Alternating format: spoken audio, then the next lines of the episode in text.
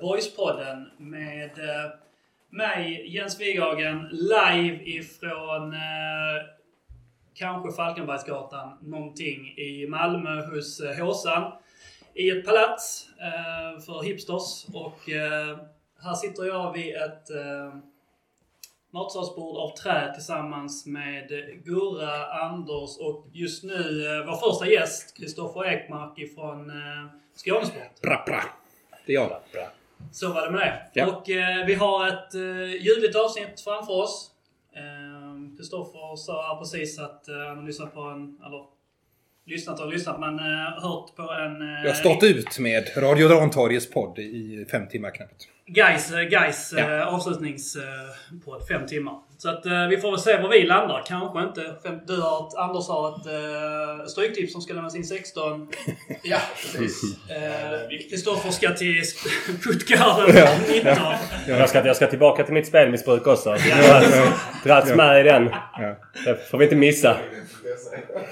Men eh, vi, eh, vi har ett eh, matnyttigt eh, avsnitt eh, framför oss och eh, det är lite mer eh, pussel och klistrande än det vad det kanske brukar vara. För att vi, eh, förutom att vi har, eh, har oss fyra här, så har vi ju även alla andra tre eminenta medlemmar. Böna, Fille och eh, Håsan som sitter och kramas här lite längre bort. Men vi har också Max Lundmark ifrån klubben och vi har Svante Hildeman, vän av podden också, som ska, ska gästas här. Och eh, elefanten i rummet är att jag inte får skämta om bänkar, andra platser, målvakter, saker. Då tar jag den bollen. Ja. Perfekt. Så här är en lista på fem skämt. Ja, ja, ja. JO-anmälarna kommer, kommer drösa över oss efter det här. Men eh, vi kan väl börja så här eh, med att eh, Kristoffer eh, presentera dig själv för de som eh, om möjligt inte eh, liksom känner till dig vid Ja, röst. det är väl majoriteten av de flesta i världen, tänker jag tyvärr. Men först vill jag bara säga att jag är väldigt glad för att komma hit. Eh, en ära faktiskt. Jag blev väldigt stolt när ni mejlade och sa att eh, frågan om jag ville komma till ett 100-årsjubileum. Eh, eftersom, det kanske låter lökigt att säga det, men jag tycker verkligen att gör man 100 poddar i ett supporterperspektiv Eh, då står man för någonting och, och ehm, det är inte bara ett gott gäng utan då bidrar man faktiskt till, till det som klubben är och vill vara. Så att eh, all cred till er, all cred till alla som lägger ner tid på det här sättet. Eh, och skitkul att vara här. Mm. Och vem jag är? eh, Kristoffer Ekmark. Jag är lite för gammal, lite för bakfull. Har jobbat på Skånesport sedan omgångar sedan 2015 när vi startade det. Och eh, tillsammans med min kollega Gustav Lundblad så bevakar vi mycket skånsk fotboll. Däribland Superettan, Division 1 Södra och eh, Supertvåan. Och eh, eh, jag som har lite mer Landskrona-koppling följer gärna Landskrona Boys lite extra. Kan du berätta lite grann om eh, kopplingen? Hur... Ja, kopplingen börjar egentligen... Alltså, jag är ju en blandras. Jag är lite grann en svensk zigenare. Så att jag är uppväxt i Göteborg och sen eh, när jag blev 13 så höll på allting gå åt helvete. Så då flyttade mina föräldrar ner till Skåne. Till Sösdala, till eh, ingenstans. Och där ruttnade jag rätt snabbt och så jag behöver... vi, jag och Böna mött i division 6. Eh, Sösdala! Ja. De vita eleganterna från Hanasvallen. Hur mycket fick ni stryk med? Ja, det blev, eh, det blev säkert. Ja, så kan det varit. Ja, vi brukar stänga av varmvattnet till duscharna en timme innan där. Rutin. Uh, alltså gick jag, hamnade i gymnasiet i Helsingborg eh, och eh, bodde där i några år. Och um, totalt ointresserad av plugget. Hade en lärare som fattade att jag kanske kunde skriva. Han drev en tidning i Landskrona som heter Mitt Örestad. Det här var i mitten på 90-talet. Och eh, dagen efter studenten började jag jobba där. Eh, Och det var en perfekt. Jag älskade platsen eh, Landskrona i sig. Flytta in på Snickargatan. Det var ju lätt, lätt som helst att få en... Snickargränd ska jag säga. Eh, Hur lätt som helst att få en lägenhet i Landskrona då. Och det var ju drömmen att få bo och jobba där med en tidningsperspektiv. För vi drev en tidning som vi skrev allt själva, fotograferade själva, redigerade, skickade den på tryck, delade ut den själva. Och det var en gratistidning som nådde ut till alla. Och det var en annan miljö då, det här var 25 år sedan. Så att eh, då fanns det bara NST i stan. Liksom, och, vi gjorde någonting helt annat. Eh, och det, ja, det var innan eh, 25 års tidningskris. Och under de åren när vi jobbade med, med Mitt Öre stad så fick jag en, en, liksom en, en relation till Landskrona. Första gången i mitt liv som jag faktiskt kände mig hemma någonstans. Uh, älskade staden, liksom naturen, miljön, människorna, attityden uh, och sådär. Eh, inte för att jag blev en Landskrona Boys-supporter på det sättet. Men, men just staden Landskrona blev på något sätt, utav alla städer jag bott och i och verkat i, så jag är inte hemma någonstans. Men Landskrona är den som betyder mest för mig. Eh, så därför har det blivit att vi... Så alltså att Landskrona Boys har varit kul att bevaka av olika anledningar.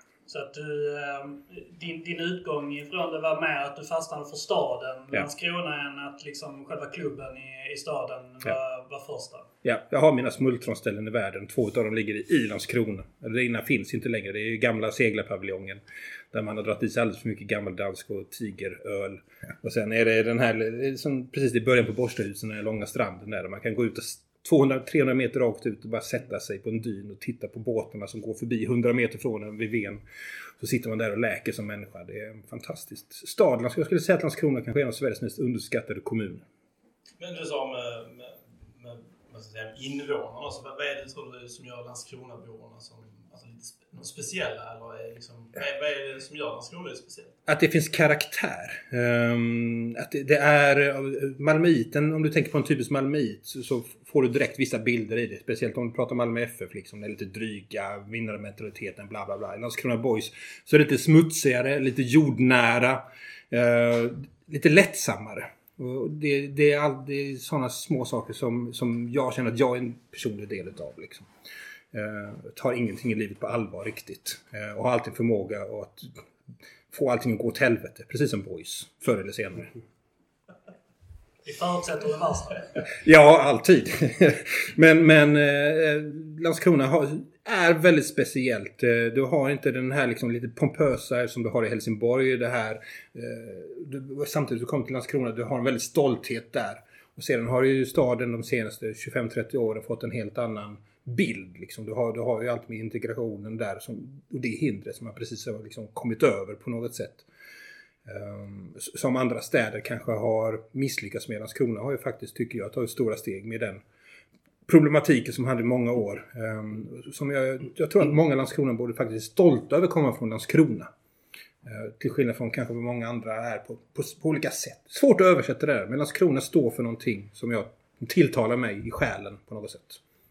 Men eh, sa du, eh, din första så säga, interaktion med Landskrona var mitten på 90-talet Ja, då. ja. Eh, men eh, om, om man spolar fram då till var vi är nu så. Om eh, hur, på vilket sätt på vilket sätt är det samma stad och på vilket sätt är det inte samma stad i så fall? Oj, det är, det är svårt. Jag bor ju en kvart utanför i Marieholm numera på ett hus långt ut i landet. Så långt bort från folk jag kan komma. Men Landskrona är ju numera en stad som, ehm, som fortfarande har ett centrum som lever. Tycker jag. Många andra städer, ta till Kristianstad till exempel som är en jämnstor stad liksom, som har hade en fantastiskt fin centrumhandel och en fin kärna som är helt urgröpt nu för att man har byggt nytt runt omkring. De har ju så att säga deras typ av eh, Väla eller Ludde då, liksom Center Syd. Eh, som har förstört mycket där. Du har eh, du har eh, i Landskrona du har, du, du har torget som, som fortfarande är en central del av staden. Liksom. Du har eh, du har samma puls på något sätt. Det enda jag saknar på något sätt är karnevalen. Liksom. Det är någonting mer än fotbollen som för samman människor. Liksom. Eh, Så, så att jag kommer till Landskrona och känner samma dofter och lite grann samma puls som jag gjorde på, på 90-talet. Det är, det är väl bara de sena kvällarna på Johns då liksom. Jag vet inte om det var tillräckligt gamla här liksom. Men när man... Man var där på knatt, knatte, knattedisco var man där Ja, ja, ja Faktiskt. Eh, Det, det var ju en... Ja, ja, Johns var ju eh, någonting på 90, alltså var med på 90-talet här. Som, eh, som vet om liksom att, ja men bra, starköl på flaska för 19 spänn. Så kör vi till klockan fem på morgonen liksom. Så det är Det, typ på Venus som har en riktigt fin kebab. ja, precis. Och sen, Men vi, sen hade vi... Ja, Ja, exakt. Ödemassonsgatan där, där de hade Rorro Livs där. Och de allting som, i källaren som både gick att sälja och knappt fortfarande går att sälja. Ehm, ja, Man försökte väl eh, med ett litet uppsving där och döpte om det till Klubb Rätt. Stämmer inte det? Ett par år senare men... ja, det är möjligt. Ja. Ja, det... Full plats. Ö- Ödmanssonsgatan eh, drabbades av... ehm, ja, Ja, vad ska man säga? Modernismen! Ja men precis. Börjar väl hämta sig lite. Ja, tyvärr. Ja. Ja. Eh, ja, men det är det väl. Det var där snickargränden går förresten. Alla de små bussarna. Man kunde liksom eh, gå fem minuter så var du inne vid stan. Gå fem minuter så har, har, liksom, var du vid vattentornet och så här. Och Kommer aldrig glömma 1999 när jag träffade liksom, en tjej från Stockholm och släpade ner henne till Skåne. Du, vi ska sätta oss och, på seglarpaviljongen då som Paul Lorentzen drev. Och så var det en måndag, han hade stängt ner hela skiten. Och så var det, öppnade han upp den bara för oss. Och så var det en sommarkväll i juli. Liksom, han bjöd på, han var inne i sin kajun-era då liksom. Och så var det liksom lite mer alligatortassar som halsband och sånt där. Så gjorde han en trerättersmeny och så mitt i den liksom, du vet det var ju sommarkväll, solen gick ner över Ven. Mitt i den trerättersmenyn och portionerna var ju stora för elefanter. Så, så bara, fan jag har glömt en sak! Så tog han sin moppe så drog han iväg från restaurangen och åkte in till AGs favör. Då liksom, det som idag är, vad är det, Hennes och Mauritz? Ja precis. Och Gina där. Ja, och sen eh, kom han tillbaka senare med någon st- balsamico vinäger som de skulle ha någon jävla sås. Och sen en, så tjejen var ju bara blown away liksom. Eh, Ja. eh, Och har ingen eh, fortfarande med. Faktiskt. Ja. ja. Så att eh, jag försökte visa upp och liksom jag, det har hänt att jag åkt ner till den här restaurangen. Jag kommer ihåg en gång jag jobbade på travronden i Stockholm i många, många år och så drog jag in en, en, en kyss på lunchen liksom, vann några tusen där. Och hade precis tagit körkort och tänkte fan vad gött, nu åker jag ner till Landskrona. Så åkte jag ner och käkade julbord hos Paul och sen åkte jag tillbaka. Så att det, på, på samma dag liksom. Och det, var- det var ju då han hade typ 120 sorters sill. Det var ju julbordet liksom. Och så alla andra var- vardagsgrejer där liksom. Det, Vilken jävla hyllning och fantastisk ambassadör du är för, för Landskrona. Det Ja, jag värmer. Tror mig, jag, jag har sålt in Landskrona för halva Stockholm. Liksom. Men, Ja. men, eh, men för Landskrona tror jag fortfarande kämpar mot ett visst stigma och en viss, en viss nidbild av staden. Ja. Liksom, att ja, men, ja, det är mycket problem och det är skjutningar och fan och hans moster liksom, och de vinner ingenting och det är alla arbetslösa och det är smutsigt. Definitivt. Även då klientelet brukar ju få mycket, Ja. mycket kritik. Att landskroniter är speciella och på ett, och på ett visst sätt. Ja. Men eh, du har ju en annan bild. Och, Ja, alltså speciella är de ju men på ett sätt som tilltalar mig. Mm. Ja, ja. Den tilltalar inte alla, alla andra liksom. Men sen sättet som du har liksom. Det, du har, det är som en blandning mellan Stockholm och Köpenhamn och typ Genarp. Liksom det bonniga men ändå det internationella. Och, och så jag gillar det och det präglar på något sätt också fotbollslaget. Alltså, det, det som jag inte fick vara med om det, på något sätt, det är den här historien med varvet och den här liksom. Nu går vi upp klockan sju på morgonen och jobbar som jävla grisar i åtta timmar och sen käkar vi liksom matlåda med oss och sen går vi och tittar på fotboll. Alltså hela den kulturen han ju på sätt försvinna när jag kom in i bubblan i mitten på 90-talet. Eh, så att, så att, och jag använder gärna mycket på Skånesport referenser till, till olika tider oavsett om man är i Helsingborg eller Trelleborg eller framförallt Landskrona. Um, ja. Var var vi någonstans?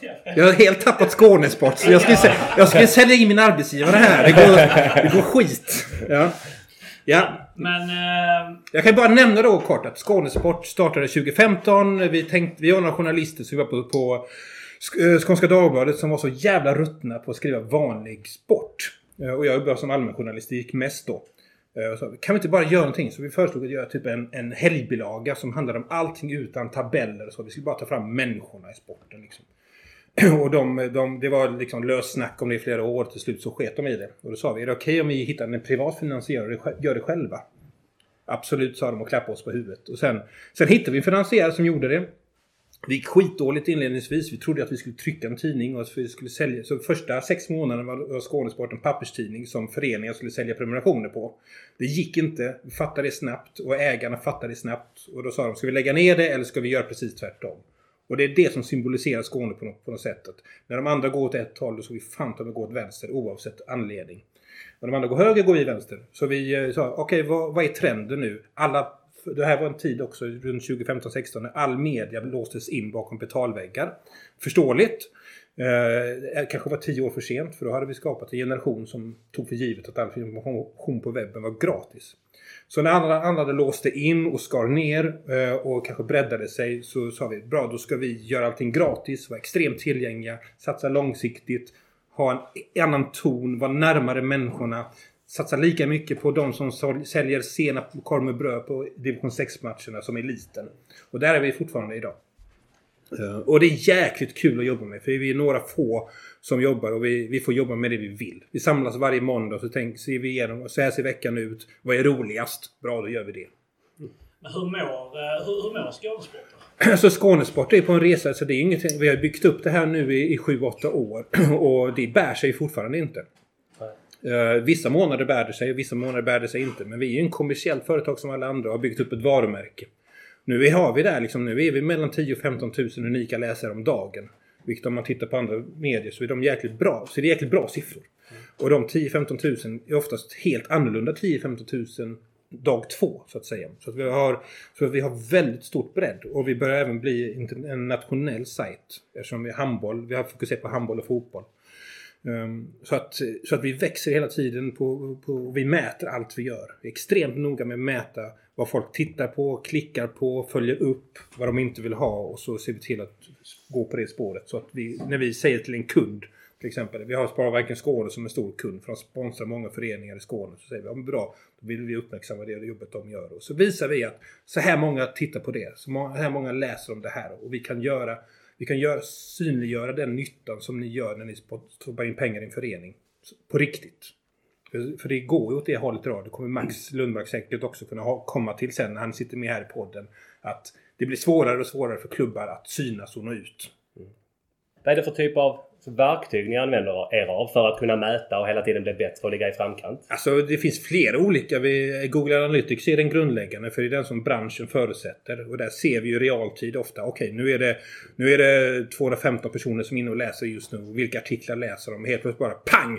Oj, nu är det 600 som är inne och läser. Och, och 40% utav dem kommer från Göteborg. Vad är, vad är det här för någonting? Ja, men då är det för att ja, men då har någon i Gais lagt ut ett referat från oss till exempel. Så vi mäter ju, vi kan ju se liksom att att idag så har vi ungefär eh, 10-15% som går rakt in på sajten. 10-15% som kommer in från Google, från sökningar. Att de söker på, på dålig målvakt bänkad så kommer in på Svante Hildeman. och så är, och de flesta, sen har vi 90% av trafiken från Facebook, från sociala medier. Twitter 5%, övrigt Instagram och sånt 5% kanske. Så Facebook är väldigt viktigt för oss. Så att vi mäter allt, följer upp och anpassar det därefter. Uh, vi följer till exempel mycket, mycket dialoger i fansforum. Uh, vi ser vad, som, vad folk vill ha. Vi ser vad folk inte vill ha. Vi ser vad folk blir förbannade för, reagerar för. Och, och ja, det, som, det som väcker känslor vill vi åt. Men hur är det lätt att komma in i de här klubbarna? För att göra det här så gäller det att klubbar också mm. ställa upp lite med mm. det där är ju... personer och sådär. Och spelarna, du får tillgång till dem för att kunna göra intervjuer. Det där är ju en sjukt intressant fråga.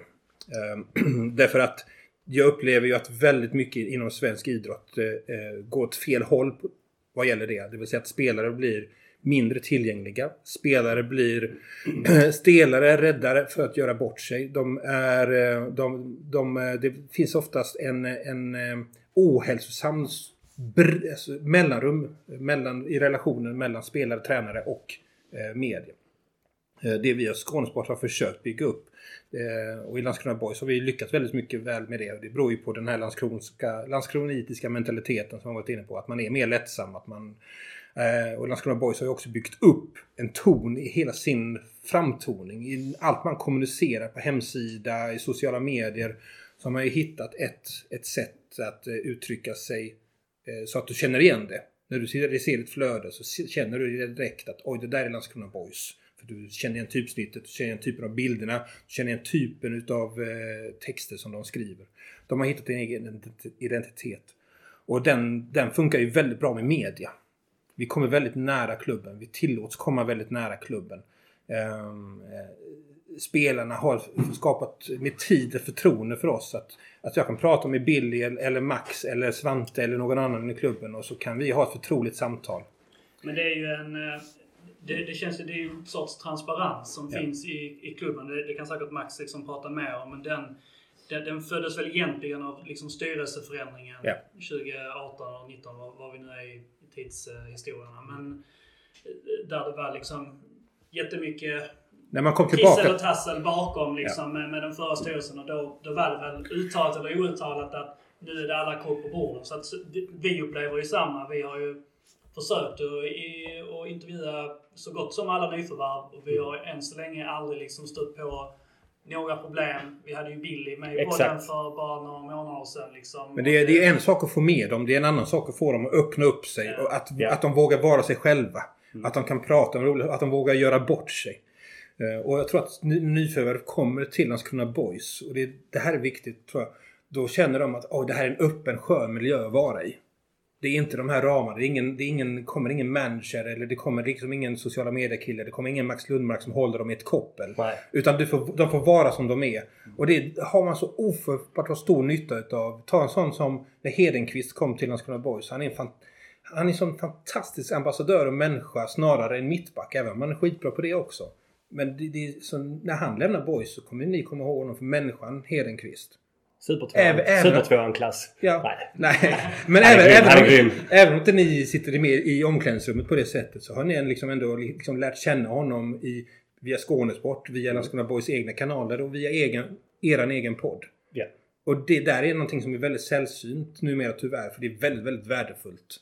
Men är det inte begränsning i det beteendet att säga hur längre upp man kommer? Eller kan man köra på så här även om man skulle heta typ Häcken, Malmö FF? Bra, bra fråga. Mm. Vad- vad- Eller kan man komma så långt med den här öppenheten? Ja men alltså om du jämför med andra klubbar i Superettan, bara i Skåne, så, så finns det en så har de ett annat förhållningssätt. Jag säger inte det ena rätt eller fel, men det är mycket svårare att komma Wilhelm Löper i Helsingborgs IF närmare under skinnet. Och det är svårare att, att komma, att komma spelare i Trelleborgs FF närmare under skinnet. Eh, för, och det har, det har bara med klubbens identitet att vara. När man väl släpper på den biten och kommer riktigt... Alltså, det är klart, är man en jättestor klubb så är det kanske svårt att bara släppa ut spelarna på det sättet. För att det, det är så mycket... Det finns så mycket, det är inte bara klubbidentitet och det kommer kommersiella ramar och det kommer eh, saker och ting att man tror att saker och ting måste vara på ett visst sätt. Men jag kan uppleva nästan att det också är att de spelarna, de karaktärerna, de livshistorierna spelarna som kommer till Boys har, exempelvis Hedenqvist, det är att de kommer liksom ifrån en miljö där de aldrig har varit upphöjda egentligen. Liksom, Utan de kommer ifrån division 1, division 2. De har- Speciellt utsikten. Det Ja, verkligen. De, de har varit lite, liksom varit en undanskymd del av fotbollsvärlden. De har Ja. liksom inte ens spelat i verksamheter där det, där det kanske finns en supporterpodd eller där det ens finns liksom en daglig bevakning. Så He- det blir intressant för dem att, jag vill, det är kul, de flesta är ju, om man utgår från att de flesta människor tycker om att liksom berätta sin historia och få prata om sina åsikter och så vidare. Så är det kanske första gången i deras fotbollsvardag som de får sätta sig ner och göra det. Så är det. Erik Hedenqvist, när vi hade honom på intervju så skrev han ju sin första autograf, EH. Så liksom väldigt, eh, du vet, det säger ganska mycket. Och shit, det är första gången jag skriver en autograf mer eller mindre. Eh, Ja. Min, min känsla är att väldigt många fotbollsspelare vill vara mer som Landskrona Boys. Jag tror att det finns en cirkushäst i dem som älskar att synas. De flesta, det passar inte alla. Det måste man kunna individanpassa också. Det finns blyga violer. Det finns de som inte tycker om det. Sen är det de som faktiskt, faktiskt mår bra utav det. Tycker det är jävligt kul och att det kanske borde kunna vara en del av livet som, som fotbollsproffs eller semiproffs eller vad det nu kan vara. Ta, när du sa så, det, kan man göra det i större klubbar? Jag kommer ihåg när, eh, när vi bevakade Malmö FF i Salau. Dit för övrigt Landskrona Boys ska åka på träningsläger nu. Och vi fick audiens, jag, jag och Olle Törner, för, för att få intervjua spelare två, tre gånger om, om, eh, om dagen. Liksom. Och det var det vissa tidpunkter så fick vi 15 minuter. och vi fick inte bo på samma hotell och fick inte umgås med dem överhuvudtaget. Eh, utav allt vi gjorde, utav allt som Malmö FF gjorde själva. Det som gick absolut bäst, det var ett segment som hette Berras balkong. Där, man, där Berra, liksom, Safari, som är en skön människa, öppen människa, tog in sina egna gäster, pratade om allt annat. Pratade om livet, pratade om detaljer, pratade om fotbollsskor, vem är sämst på beep-testet, vem äter fula... Alla sådana små saker. Det var det som, som de som är medlemmar i föreningen, de som är engagerade, det är sånt som de vill ha. De vill lära känna människan och inte så trött på de här jävla alibisvaren. Ja men vi ska... Vi, vi lär oss av den här förlusten och ska försöka bli bättre till nästa gång.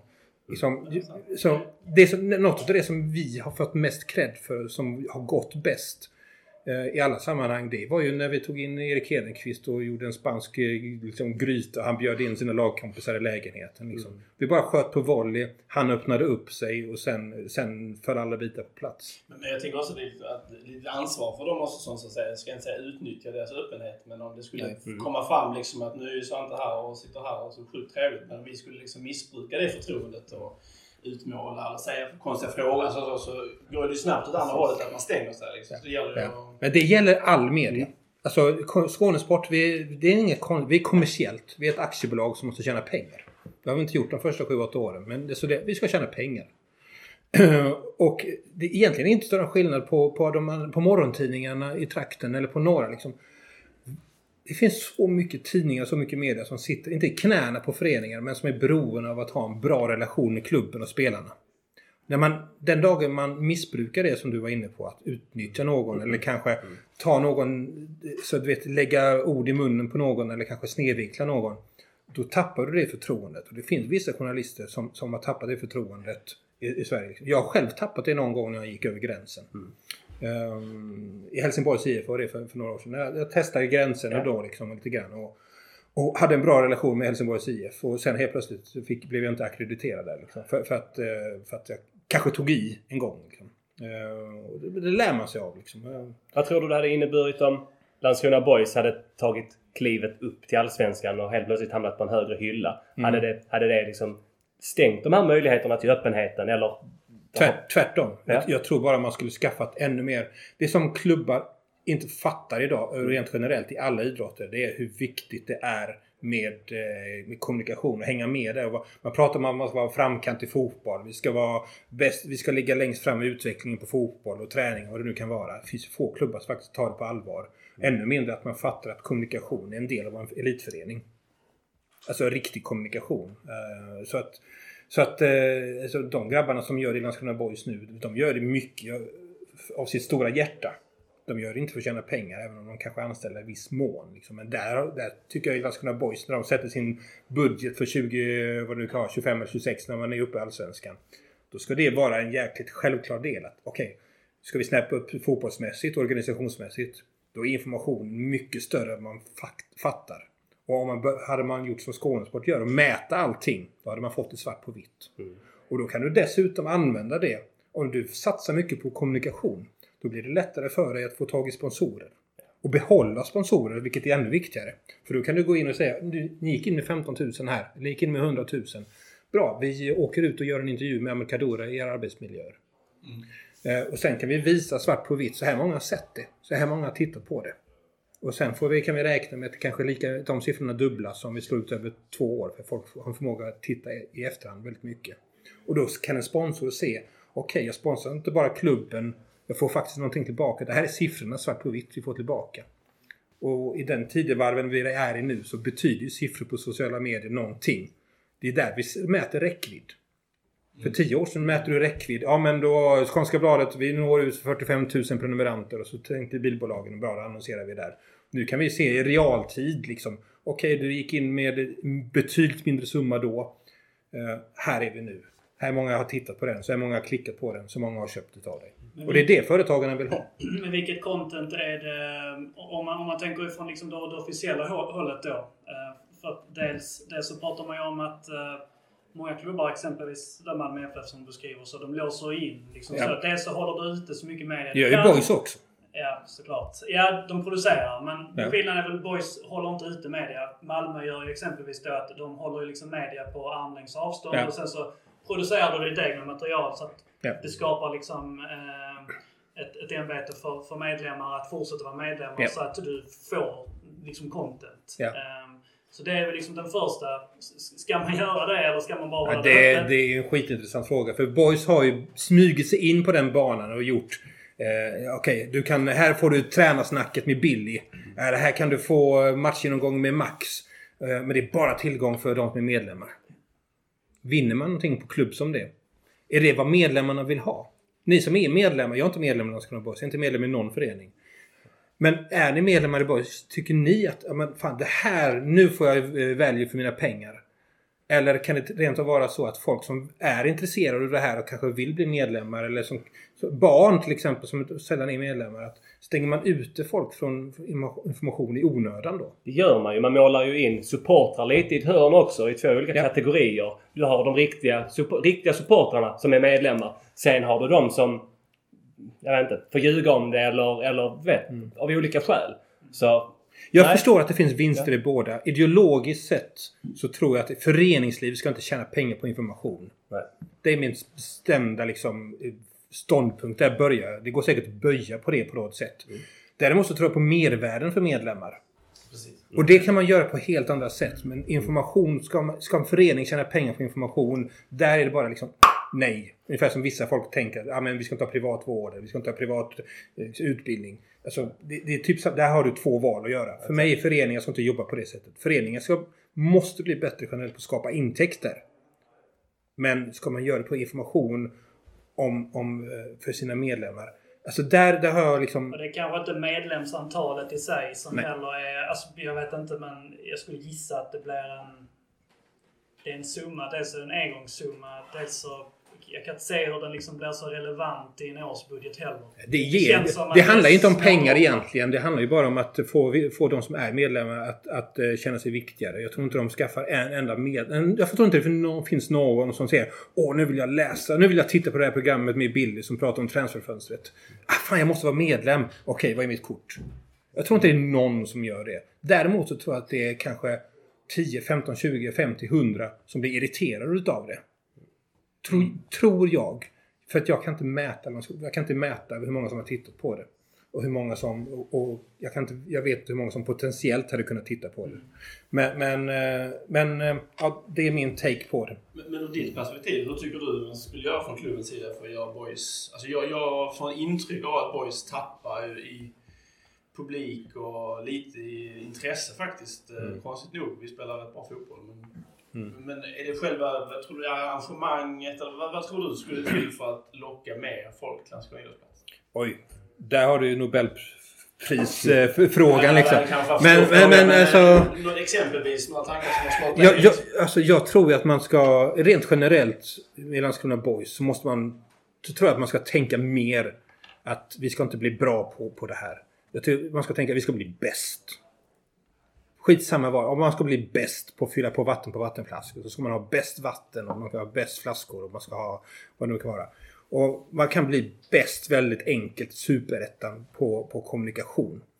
Uh, och man kan bli säkert... En, så hur man ska få med folk till Landskrona IP. Alltså det är, det är en sån fruktansvärt stor fråga. Uh, som är svår att säga. Men jag vet om att med information och att få... Jag tror det handlar mycket om människor, ärligt talat. Jag tror att eh, visst, människor, resul, resultat är en bit. Vacker fotboll är en sak. Fint väder en tredje. Men, men eh, säg så här, jag var på en nätverksträff i Vinslöv häromdagen. Vinslöv är en liten ort med... Barngolf. Ja, precis. Barngolf. Ja. Men de har ett handbollslag i Sveriges näst högsta serie. Och de hade en nätverksträff där. Det, det bor 1500 personer i byn. Vet du hur många de hade på sin nätverksträff? 100, 140 företag.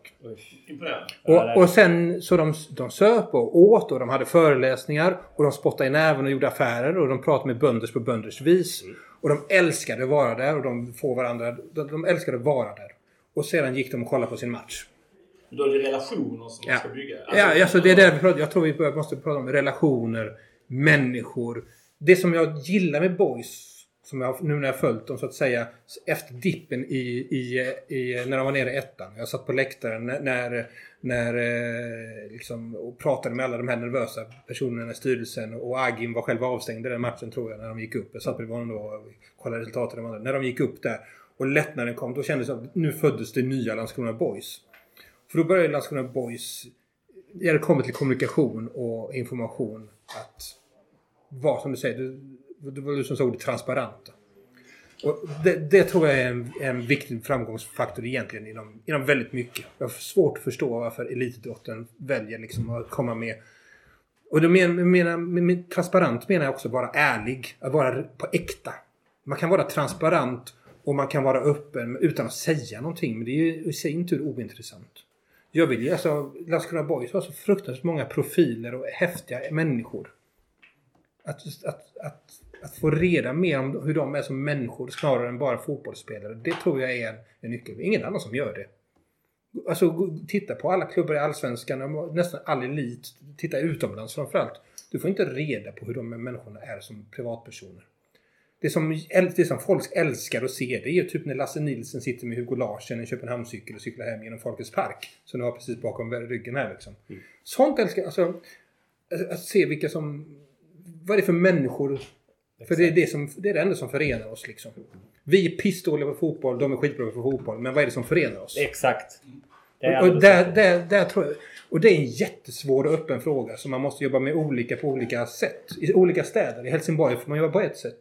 Eh, i, I Landskrona kan man jobba på ett helt annat sätt eftersom man är så jordnära här. Människorna som du ska värva till Landskrona tycker jag ska passa in i den bilden. Landskrona Boys tycker jag det är viktigare att värva in rätt människor än nödvändigtvis exakt rätt fotbollsspelare. Och det tror, jag, det tror jag både Max och Bill har varit ganska bra på. Ehm, ganska i alla fall. Verkligen. Det har ju varit en stor del av den transformationen som man har gjort eh, sedan, sedan lyftet. Just med att man vill hitta rätt profiler som passar in och tillför ett värde.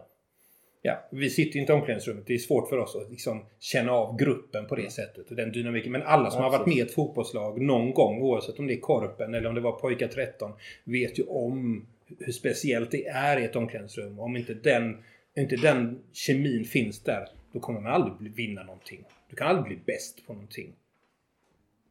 Men du, om du, du är inte bara med boys men är det några vad säger, jag, föreningar underifrån som har ungefär samma ska man säga, öppenhet, transparens? Alltså sånt Torns exempelvis, ett sånt lag som Ja. är lite så...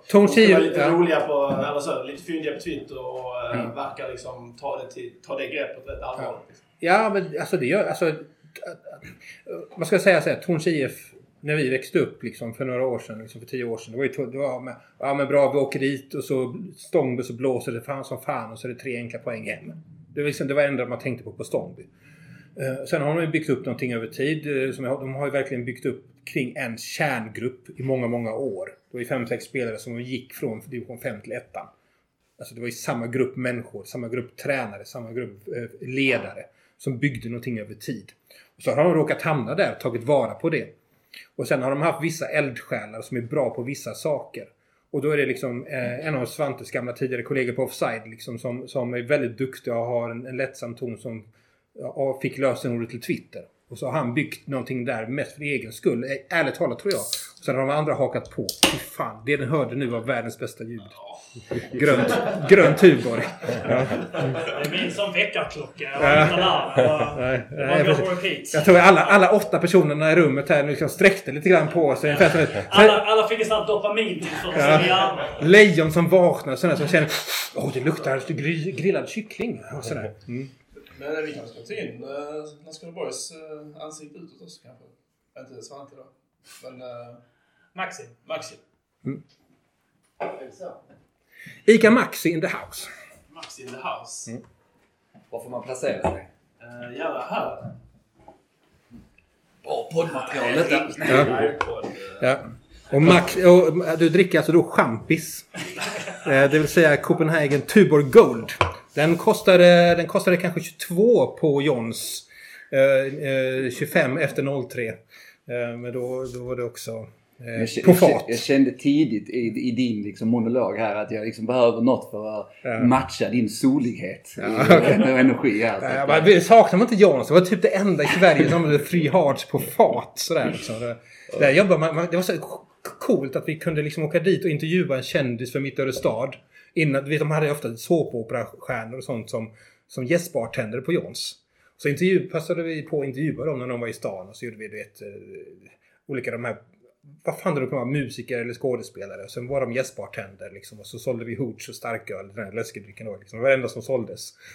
Uh, och sen, ja men, uh, så kunde de få göra så. Men fan kan inte du stå i baren också? Så blev det att man blev själv gästbartender där liksom. Och så levde man på dricksen och så... Så du stod med dem från baren och vad heter de? eh, Fyra kilometer? Villa Medusa Ja, och ja. vad var det för sådana? Mitt, Ja. mitt enda minne så här med gästbartender står från eh, när, när vi var på, på Rhodos 2011 och eh, han, en kille som heter typ Rodney och sånt som var med i Rodney. Big, eh, Big Brother. Ja. Han stod i en, han gjorde det men hans liksom partytrick var bara att han doppade ner sin, sin dase i drinkarna. Så istället för sugrör så liksom rörde han runt isen med sin... eh, Vad är du, vad är du känd för då? alltså, ja, alltså, jag ska visa!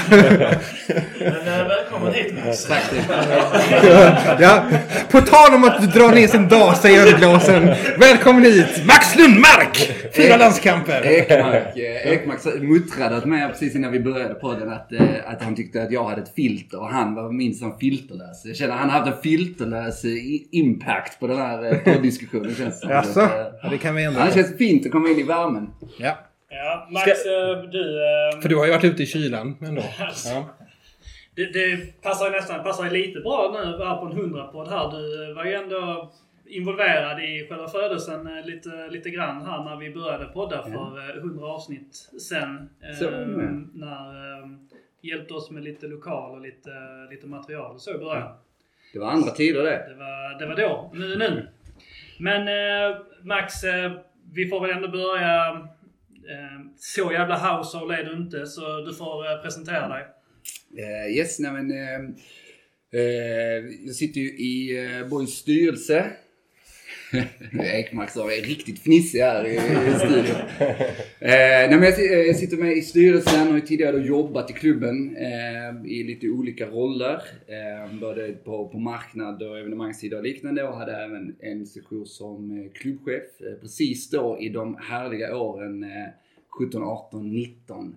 Eh, så var jag verkligen med i det stålbadet vi, vi gick igenom. Eh, sen så lämnade jag Boys vid ja, slutet av 2019-säsongen och eh, sen började allt gå väldigt bra.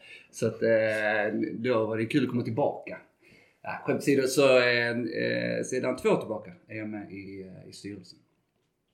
Hur skulle man kunna sammanfatta din roll i styrelsen då?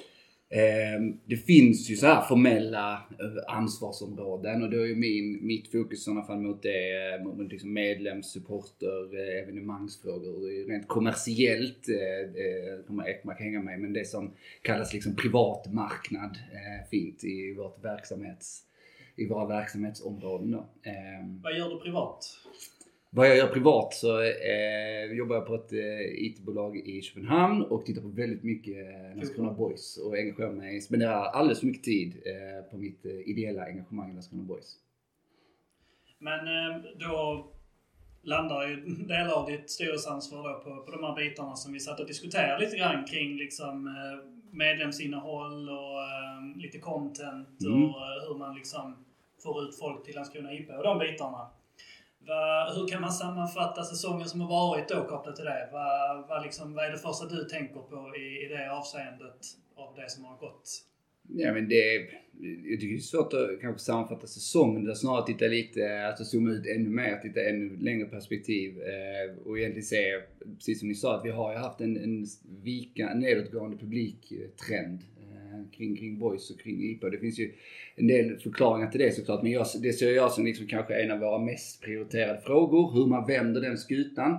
Eh, och det är väl den, det som är kanske min hjärtefråga i styrelsen. Och sen så är ju frågan hur man gör det. finns, finns många liksom grepp att ta. Ekmark är inne på, på en del saker som jag är helt enig med. Att, att jag tycker vi har gjort en jätteresa ända sedan eh, Melker och Mattias är det ju då på, på kansliet som, som driver vår kommunikation. Och det är precis som, som ni pratade om här innan. Där är vi ju, jag skulle säga att vi håller ganska hög allsvensk klass och har, det, har den här ganska transparenta eh, eh inställningen till det.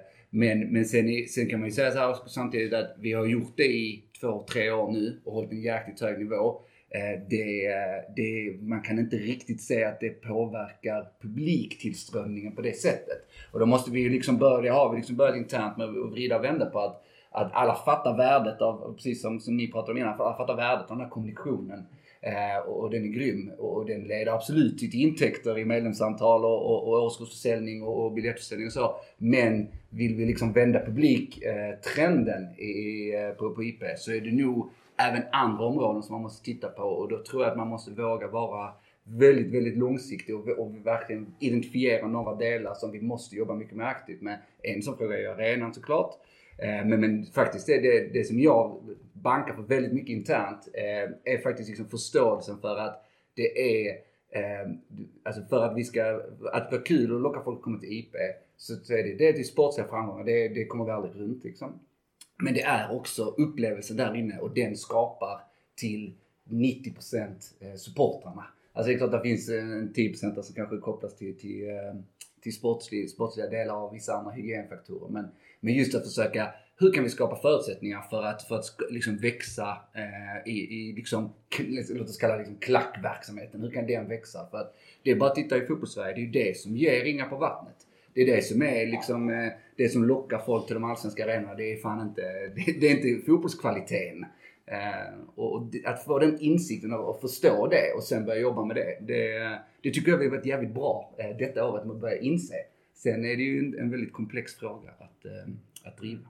Så istället för att, ska man säga, mm, ta in cheerleaders så har ni liksom, nej men nyckeln till, nyckeln till en kommersiell framgång eller publikframgång det blir att, att, att ha en bra matchupplevelse rent liksom upplevelsemässigt. Eller fram- framförallt skulle jag säga så här, eh, upplevelse, ja men också vad, vad bygger en upplevelse då? Alltså för mig, om det är på IP, eh, det, som, det som jag tror kan göra att folk liksom på riktigt vill komma dit med, det är, det är verkligen att man känner att det är en stämning.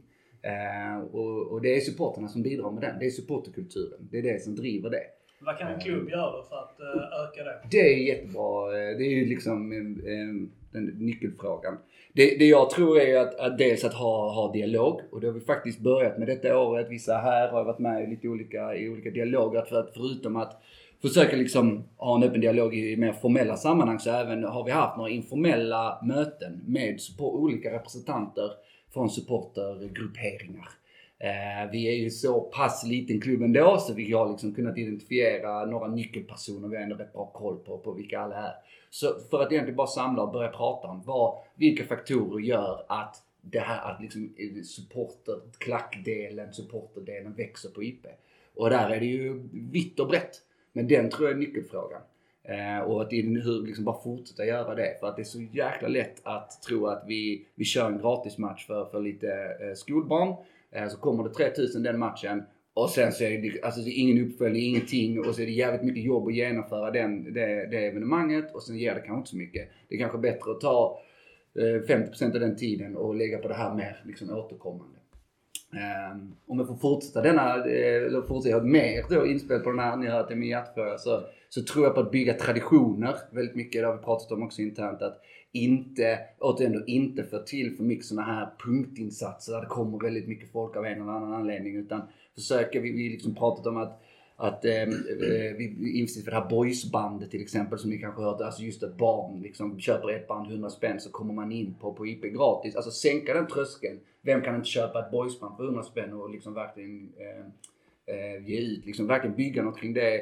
Vi har pratat om att liksom få en läktardel där kring spelartunneln, att vara dedikerat till barn, liksom lilla engelska tänket. Det tyckte jag vi misslyckades med, eller inte misslyckades, men vi fick inte riktigt till liksom det att det blev etablerat då. Tänk om man kan få igång det. Alltså det är sådana typer av saker. Sen kan man bygga på och ha tio sådana här traditioner till slut.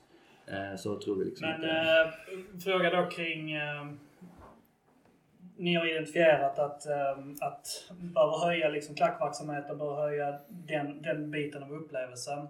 Då blir väl nästa fråga då...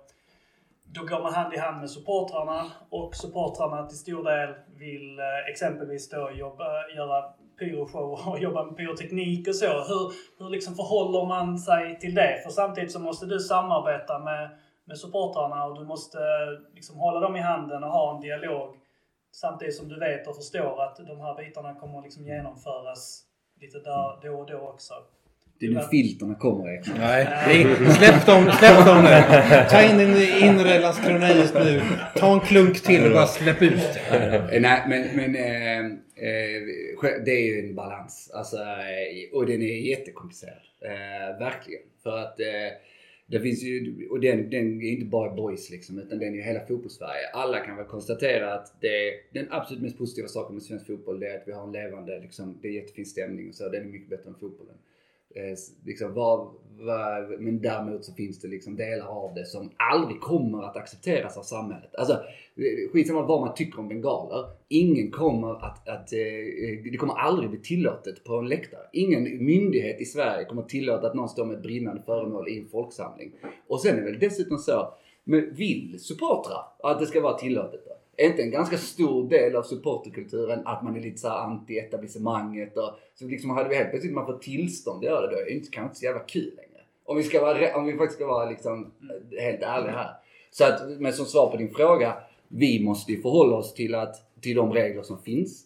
Eh, vi måste förhålla oss till att vi har en jäkla massa krav från förbund, från ehm, eh, polis och så vidare för att överhuvudtaget få anordna matcher. Så vi måste jobba med de säkerhetsfrågorna rätt aktivt och kanske ännu mer aktivt än vad vi gjort. Ehm, så det är en svår balans. För att för, för, samt varje gång jag liksom sitter och har de här dialogerna med supporter så vill vi ju verkligen bara se vad ni vill ha. Ska vi hjälpa er att liksom finansiera flaggor? Ska vi hjälpa liksom? Men sen så, så kommer det en incident eh, av olika slag eh, som gör helt plötsligt att det, bara, det sänker, alltså det finns ju krafter som liksom tycker vad fan ska vi, varför ska vi samarbeta med, med, med dem? eh, krafterna? För att det blir, det kommer de här negativa aspekterna också. Och där måste man ju kunna hålla två tankar i huvudet samtidigt. Att fatta att det här är det som gör att folk blir intresserade av svensk fotboll. Men samtidigt så, så de här elementen kommer aldrig en klubb kunna acceptera. Så då kan vi aldrig, det Det- måste klubben kunna motarbeta. Därför bara flika in. Jag Ja. tycker att, att, att det kanske är det som är den största tröskeln egentligen med, med att få en, en klubb och vissa supportergrupperingar att jobba tillsammans. Det är ju för att, jag menar, jag, jag, när jag bevakar Boys många matcher så, så sitter jag inte på pressläktaren utan jag går omkring på läktaren och bevakar matcherna. Och många gånger så står jag precis framför klacken eh, och, liksom, och hörs vad som, vad som sägs, sägs där.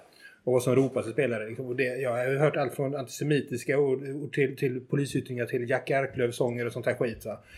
Och det går ju inte för en förening att... Liksom, nu, nu pratar vi liksom om, eh, om en förening jobbar för mycket med personer som jobbar med sådana. Då kommer de aldrig kunna få hjulen att snurra inne på ekonomikontoret. Allting hänger ihop.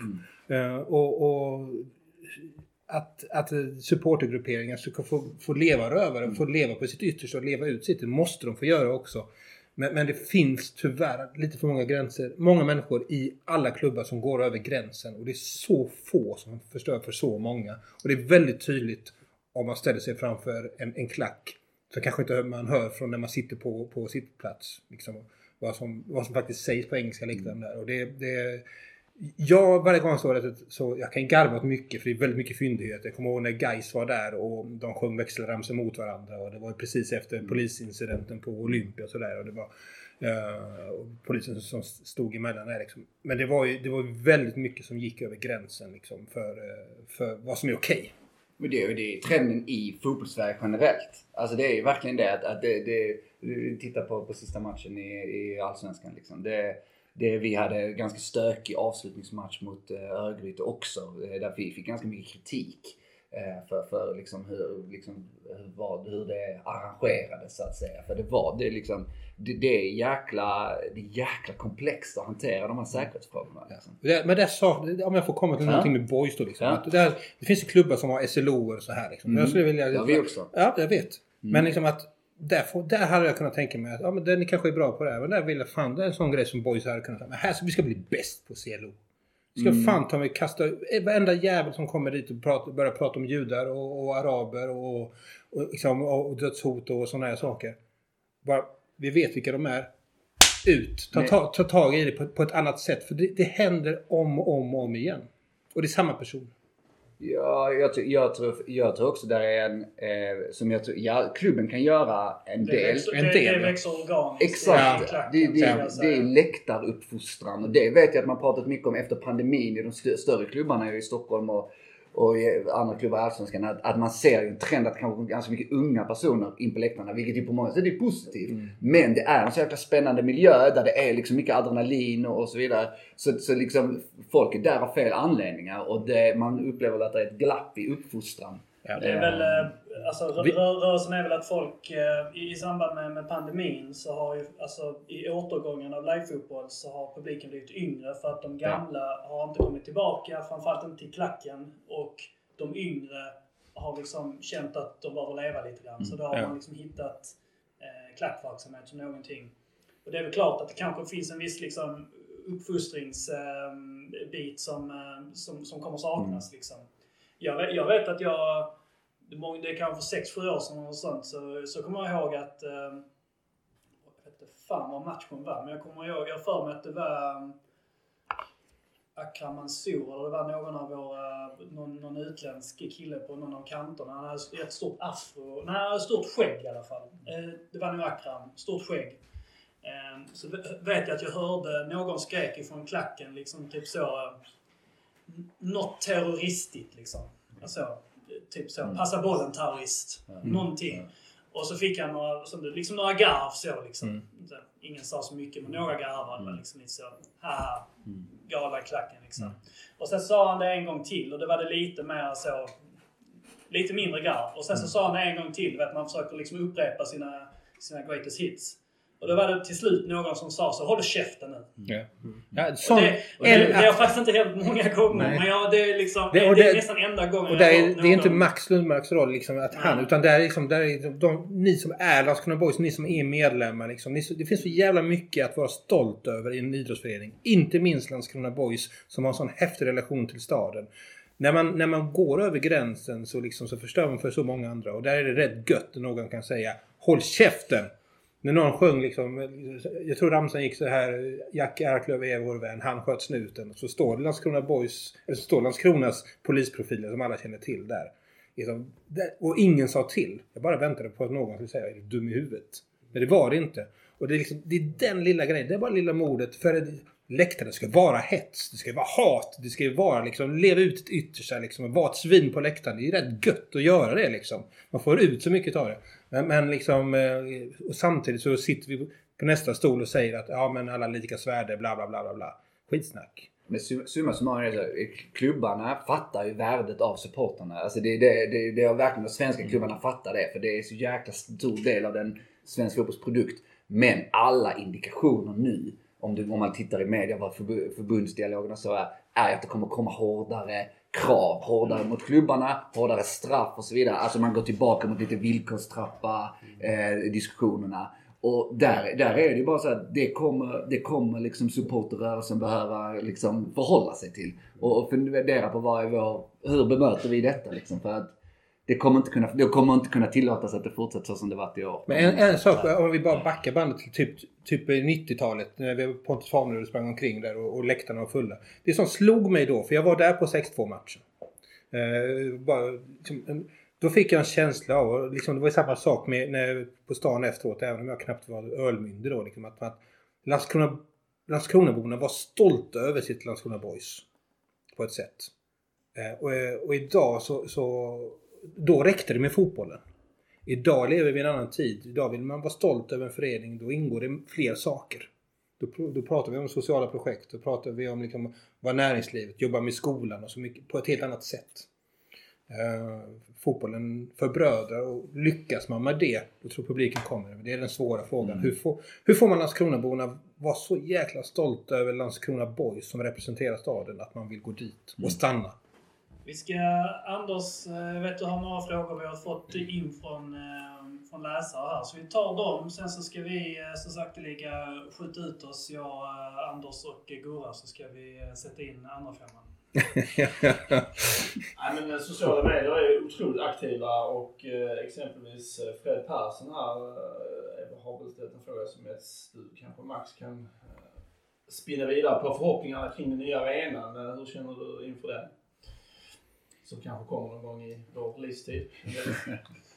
Eh, nej men, för, till det första så är att, att arenafrågan är ju kanske den viktigaste frågan i, för Boys att driva. För styrelsen att driva. Det är väldigt mycket styrelsen som, som arbetar gentemot det. Det, det är mina kollegor där med, med ordförande Ekblad i spetsen som, som eh, har, en, har dialog med, med kommunen och arbetar tillsammans med dem på det. Våra förhoppningar är ju såklart jättehöga. Alltså det vill säga, det är ju så jäkla eftersatt ute på IP, alltså i hela, hela området. Så att alltså, ska vi på något sätt kunna utvecklas som förening så krävs liksom ett nytt hem, så är det bara. Nu är det ju inte en ny arena som det pratas om. Det är ju det är snarare en ombyggnad ju, alltså, eh, av, av IP, men med väldigt mycket nytt. Vi är ju, alltså, det enkla svaret detta är ju liksom inte jättemycket ny information än det som eh, finns ute, så att säga. Det som har kommunicerats ut av staden. Eh, det positiva som vi ser är att Eh, de här, liksom, vi har under ganska lång tid fått komma med inspel till staden. Vi har liksom samlat upp både från sport och det men också ganska mycket av vad vi... Det känns som det finns en ganska stor samsyn på vilken typ av arena vi vill ha. Med liksom lite, lite lägre eh, åskådarantal, tight och, och liksom en ihop sammanhängande arena. Eh, och, och i breda penseldrag är ju alla indikationer, precis som de skisserna som kommit ut, att det är liksom på det hållet det är på väg. Och det gör ju liksom jättepositivt av- på jättemånga aspekter. Men det, är- det är klart att det man från klubben är för, liksom, gärna hade velat att det skulle gå ännu snabbare. Men, men så är det med sådana här projekt. Så Det att, är eh, bra eh, uttömmande svar Max. Här. Nu kommer nästa fråga här från Jonas Panett. Eh, Den är direkt riktad till dig Max. Det är nästan Oh. dumt. Eh, förklara nu. Det står förklara Max. Hur styrelsen tänker, tänker kring att föra in spelarförsäljningar i budgeten. Det har de nämnt vid två möten men inte gett en tydlig bild på hur det ska fungera och varför. Presentera gärna vilka fördelar och eventuella risker det finns för detta. Här boys. Det är, det är nästan, det är nästan som man kan tro att det, liksom, vi har eh, fått Jonas skicka in den här frågan. Men detta var, detta var, var något inspel jag fick med mig från, från mina styrelsekollegor. Var, det här ska vi passa på att förankra lite här nu. När vi, när vi nu är i liksom den största av boys-plattformar. Så att, eh, nej men, nej, men i, i grunden så... Vad fan säger du? Sitt ner Skånesport. Nej, men, men i, i grunden så är det ju så eh, att eh, det, den första vi ska konstatera är att eh, Landskrona Boys ekonomi går inte runt utan spelarförsäljningar. Alltså intäkter från spelarförsäljningar. Eh, det är liksom bara något vi har konstaterat under de senaste åren. Eh, framförallt de två senaste åren ju.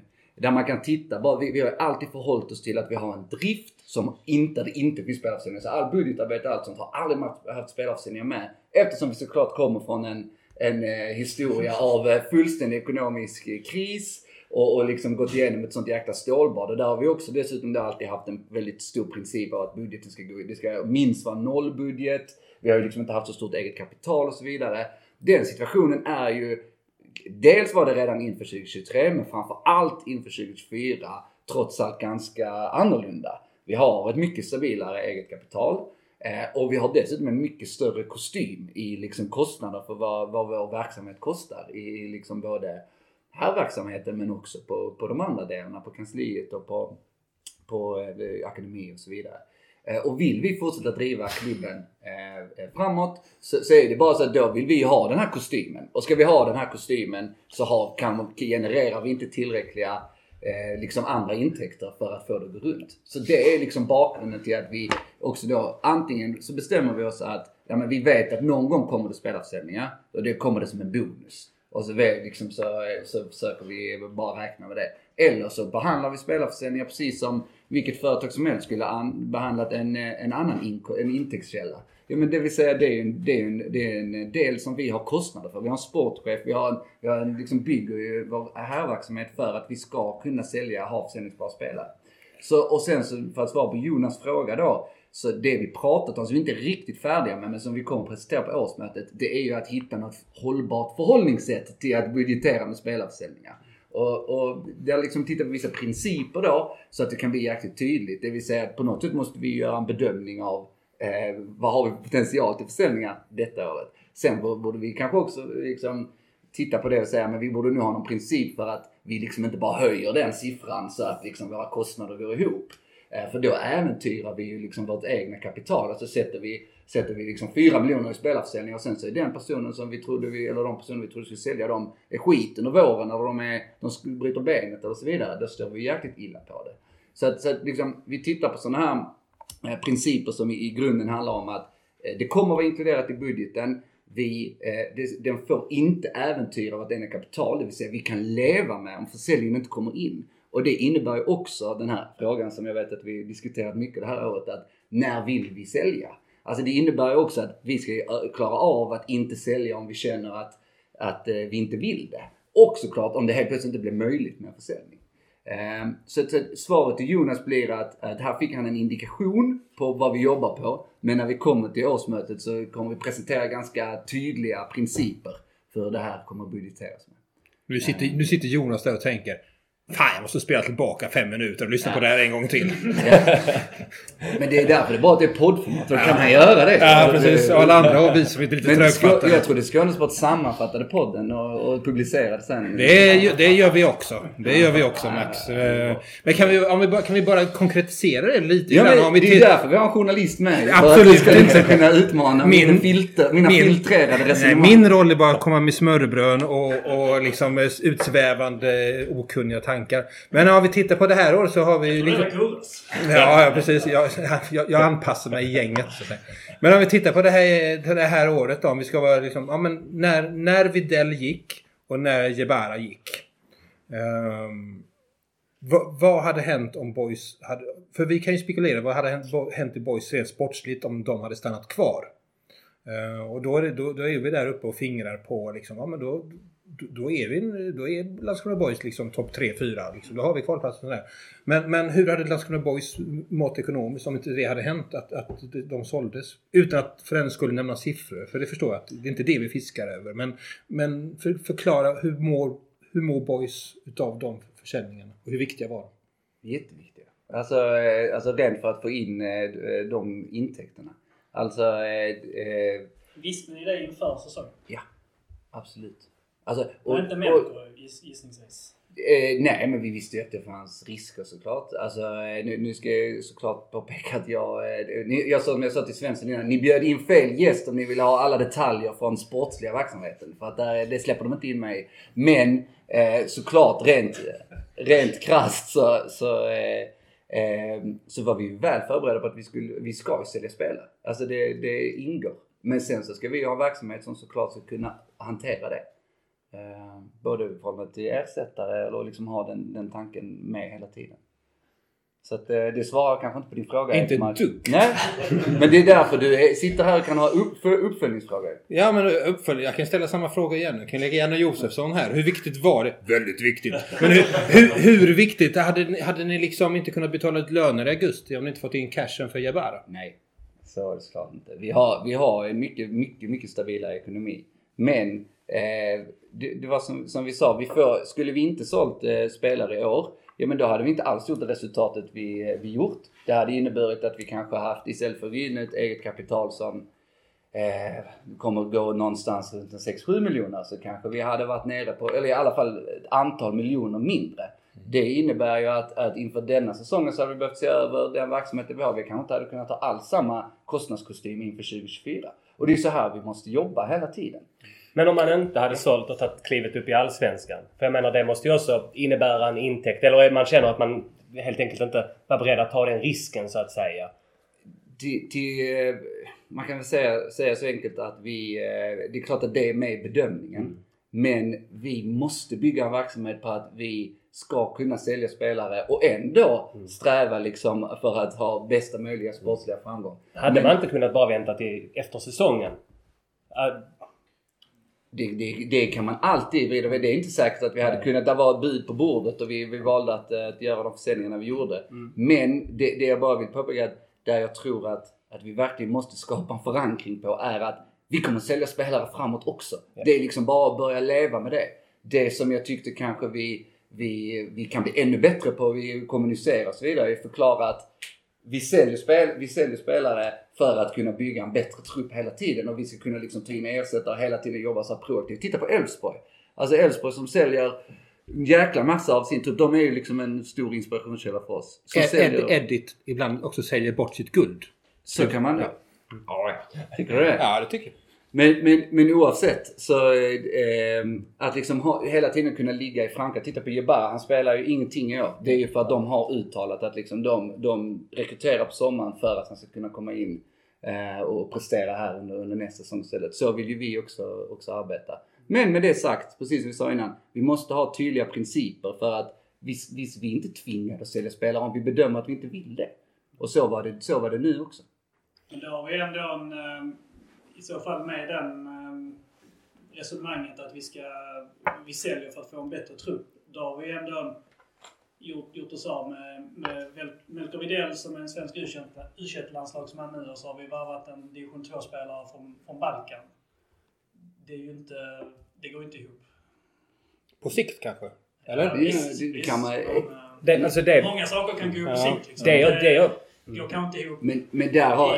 Där, det är ju snarare, jag säger så här för jag ska inte egentligen faktiskt, eh, nu låter jag tråkig med min Nej, filtrerade sluta svar. nu vara så. Men, Ha men- självförtroende och stake. Men, ehm, eh, nu ska- jag ska inte uttala mig om liksom sportsliga delarna för det är inte mitt uppdrag överhuvudtaget. Vadå, men, inte men, men, nej, nej, nej. men eftersom vi behöver sälja spelare för att kunna ge vår sportsliga verksamhet förutsättningar att rekrytera en bättre trupp. Alltså för att hela tiden sträva, sträva. Hur, hur mycket, Så enkelt är det bara. Hur, hur mycket är eh, att, eh, så att säga, vi pratar inte sällan här om att liksom, egentligen det du beskriver här nu också, att Mm. Boys vill vara en säljande klubb. Hur, mycket, hur mycket handlar också om att det liksom, det får inte det får inte vara en situation där Boys hindrar spelare från att ta nya kliv. Alltså är det ett resonemang ni också har i, i, i, klubben så att säga? Exempelvis Melker Widell. Jag, vet- jag förstår att vi behöver inte gå in på detaljer men rimligtvis så hade han ju fortsatt och gjort en jättefin säsong och eh, kunnat, eh, kunnat gå liksom i januari eller i nästa fönster istället till, till, till vad som helst. Men nu, nu fattar också att Melker Widell kunde liksom på sex månader byta ut BK Olympic mot danska högsta ligan liksom. Och Boys vill inte ha ett rykte om sig att vi hindrade den här spelaren från det. Är det liksom en bit där att ni, att ni måste vara en trevlig arbetsgivare också och inte hindra de här spelarna från att uppfylla de här bitarna? Och var går gränsen för där, där ni som klubb kan sätta er, liksom er först nästan? Det känns ibland som att spelarna går före klubben så att säga. Du, du har absolut rätt i att eh, vi kommer absolut, alltså vi behöver ju kunna eh, ge dem, de ska se oss som en möjlighet att komma vidare, absolut. Eh, om du är ung utvecklingsbar spelare. Eh, men men eh, det är ju en jättekomplex, i det är en jättekomplex fråga. Liksom, känner du att, att klubben är i en situation där man liksom, för, förutsatt att jag förstår att man behöver sälja, men kan, kan ni, är man i en situation där man faktiskt kan sätta ner och liksom, vi väntar, budet är för dåligt, budet är si, budet är så. Eller är liksom ändå så, här har du ett bud, schweiziska andra ligan, varsågod liksom. Ja, vi vill inte hindra dig. Men det, det, är intressant, det diskussionen blir lite intressant för att eh, ja, det är klart vi kan, vi, vi kan betala ut löner, Ekmark. Eh, vi, vi har en, ett eget kapital som är stabilt. Eh, vi, vi liksom har en jäkligt stabil verksamhet. Men om det kommer en, en klubb och helt plötsligt hostar upp 20 miljoner. Alltså bara, för det är ju det som egentligen är din fråga. För att den är inte så enkel att svara på. Att, Kan man ja, vi kan säga nej, men, men kommer de med men kommer de med 20 miljoner då kanske vi bedömer att vi inte kan säga nej. Jag, jag menar nästan, nästan mer den, liksom, den personliga. Att eh, det, om det ni har det spelare i är det li- liksom där? Kan ni, känner ni att ni kan hindra liksom en spelare från att... För att hur man än vänder vidare, de flesta av spelarna i Boys trupp, deras dröm är inte att spela Landskrona Boys, utan det är liksom nästa steg. Kan klubben liksom hindra spelarna från att nå sina drömmar för att sätta klubben liksom... Billys ansvar är att, att eh, se, driva Boys sportsliga verksamhet. Så det är klart han kan säga. Det är hans uppdrag i sådana fall att säga nej. Så enkelt är det. Nu kom filtret där. Men Kan vi ställa frågan så här då? När sa ni nej till en spelare senast? Ingen aning. För jag sitter inte i de frågorna. Men det, det, det jag vill tillägga... rest my case. Det jag vill tillägga i denna, i denna dialogen, som är jävligt intressant. Jag förstår den aspekten också med att man, att man kanske inte vill... Man vill inte bli en oattraktiv arbetsgivare. Men det som, det som faktiskt hade kunnat ske i somras, det hade varit att vi ra, ramlade raka vägen ner till division 1. Och vad hade hänt med vår ekonomi då? För att vi var på väg in i en jävligt djup kris. Det vet alla. Ehm, sorry. Pulsen upp. Kn- Knackar man i bordet.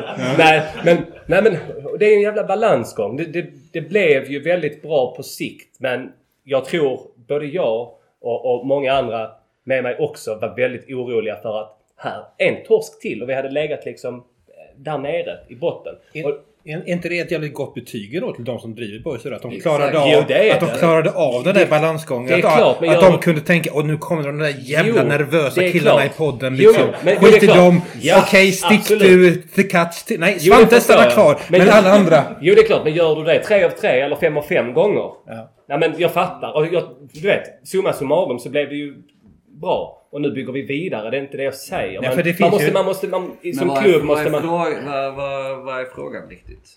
Men det är väl egentligen samma som det vi egentligen pratar om. Hade vi inte sålt så hade vi kanske gått upp. Exakt. Och nu vi Ja. åka ner. Så, det, Ja. så Ja, som men jag, det- så som det- jag det- upplever det- det... det- är samma Ekman, balans. Fan, nu är det klubbfrågor. Nej, ja, precis. Alltså, alltså, det blir samma jättetråkiga svar. Ja. Alltså det, det, det, återigen, eh, men det är också det jag antar att ni vill att vi ska vara en, en hållbar klubb. Liksom. Såklart. Eller hur? Det är ju Så alldeles Det sant. jättetråkiga svaret är ju det är, vi har sportsligt kunnig, jäkligt sportsligt kunnig organisation. Det är upp till dem att ta de besluten. Självklart ska de väga in att eh, blir vi så jäkla dåliga nu att vi eh, kanske kan åka ut? Eller bedömer vi att vi har resurser att ta in någon ny och så vidare? Ja, men, Så enkelt är det. Jättetråkigt svar. Ja men, eh, så ja, det. och, och det, det var intressant. Man, man tycker om att vända och vrida på det. Och det är ju det som är någonstans charmen. Här sitter, här sitter vi utanför och, och, och tycker och tänker jättemycket. Men någonstans så är det liksom er roll att bedriva en, en hållbar klubb på sikt. Och då kan man inte heller lyssna på alla fans som i affekt och liksom impulsivt säger att hur fan kan ni göra så här? Det förstår man och det, och det hör ju till. Men det är alltid viktigt att man har en spänstig diskussion.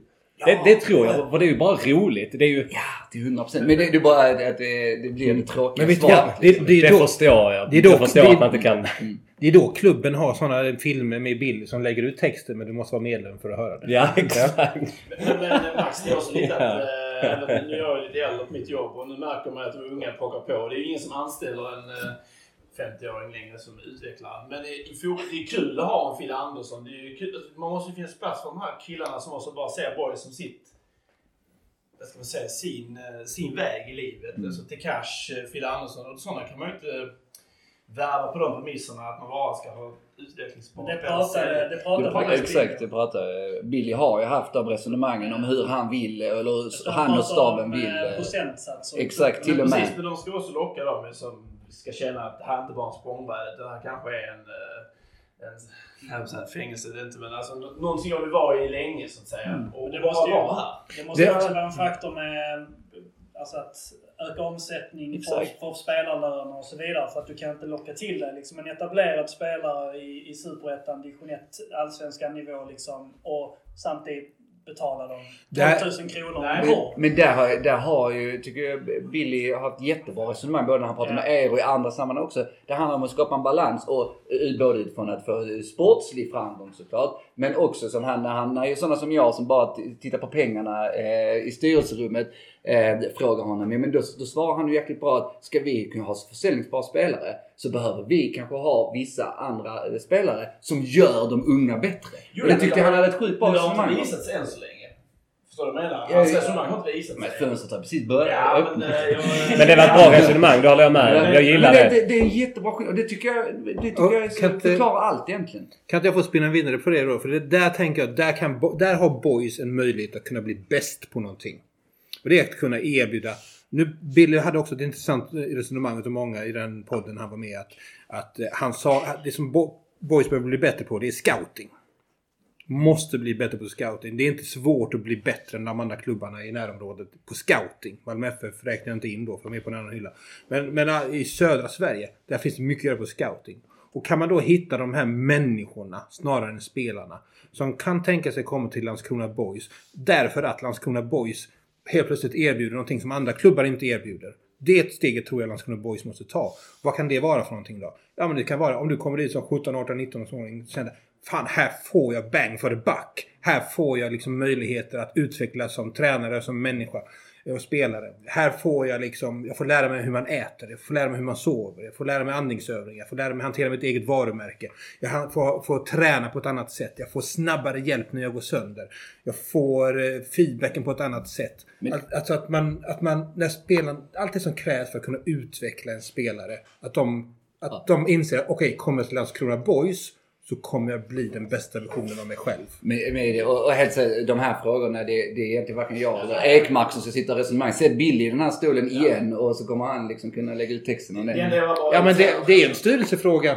Det är klart det är en styrelsefråga. Det är klart det. Men sätt Stålhammar i, i stolen eh, och, Ja. och så. Men vi har väl gett ett bra resonemang, du och jag Ekmark. Ja, men jag väntar på att Landskrona Boys ska få någon där som bara tar Okej, nu tar vi nästa steg. Nu ska vi, vi... Vi har inte pengarna, men hur kan vi skapa all, all den här kompetensen som ändå finns i närområdet? Hur kan vi skapa all kompetens liksom och erbjuda liksom alla som är spelarna i truppen, kanske även viss del U-laget och de som kommer där underifrån. Hur kan vi skapa någonting unikt i Landskrona är Boys? Det, det, det, det, måste Och det är inte säga. bara att vi har bra men, tränare. Det, nej, men, är men där har vi väl tagit jättekliv som förening på de senaste åren. Alltså, jag, tycker, jag skulle vilja argumentera för att vi har oerhört kompetent personal det- som jobbar för Boys. Jag säger inte att ni inte har kompetent personal. Jag säger att ni har för lite kompetent personal. Ni, ni har gym i en fucking barack. Liksom, och, och, och, och, det, det, det, visst, det är ett steg framåt. Men ni är långt ifrån att vara bäst. Ni, ni är ju fortfarande ganska långt ner i stegen. Och det är där kliven behöver vara tror jag för att, som Boys behöver ta som förening. För att kunna bli attraktivare som förening. Helsingborg jag lockar med pengar. Trelleborg lockar med pengar. Landskrona Boys, och det säger Billy, vi ska kunna locka med andra saker. Ting. Där måste man tror jag tänka nytt. Jag tänker att man ska vara bäst i Det tror jag nog Sverige. att man gör. Alltså, Alltså, det, det, det, jag, säger- jag, jag, ser, jag vill ju argumentera mot det här Ekmark. att det, det. det. tycker jag vi har ett par delar med boys som, som eh, lockar folk. Alltså jag tycker jag bara ser ja. Jag- spelare som vill komma till boys. Ja, men, men samtidigt så kan vi, jag kan förstå liksom resonemanget för att och för så är det, boys lockar spelare. Mm. Eh, Men det som lockar spelarna är ju liksom att det spelas en, en utvecklingsbar fotboll och att det finns bra möjligheter att utvecklas liksom genom att skicka ut en produkt på planen. Eh, och det kanske inte nödvändigtvis liksom på grund av att gymmet är bra eller för att kanske ens analysverktygen används på det mest optimala sättet. Utan det är för att det finns kompetenta tränare som har implementerat en, en kompetent spelidé som liksom genomsyrar laget. Så att spelare som är duktiga kan komma till Landskrona Boys, göra rätt för sig på planen, spela, prestera och ta nästa steg. Det kanske inte liksom... Det du pratar om är kanske mer liksom rollerna runt omkring. Liksom, Kan jag få dra, kan jag få och dra ett, ett parallellexempel då? Bara för, att, bara för att visa vad jag menar Max. För att jag tror du missuppfattar mig lite. Eh, försök inte klanka ner. För jag vet, jag vet. Jag har varit med på Boys liksom, resa de senaste 6-7 åren och sett det från insidan. Och, och liksom, de här stapplande stegen framåt som en liksom, packad bebis. Men det tar ändå steget framåt. Men en dag i veckan så jobbar jag på något som heter Malmö Idrottsakademi. Finns i Malmö. Som har ett elitprogram med 70 deltagare i. De här 70-75 personerna så är det de bästa i Sverige vi har på individuella idrotter som flyttar ner hit. Och det är judo, det är brottning, det är friidrott. Du har Daniel Ståhl, du har, eh, du har golfare, du har eh, tre OS-atleter där.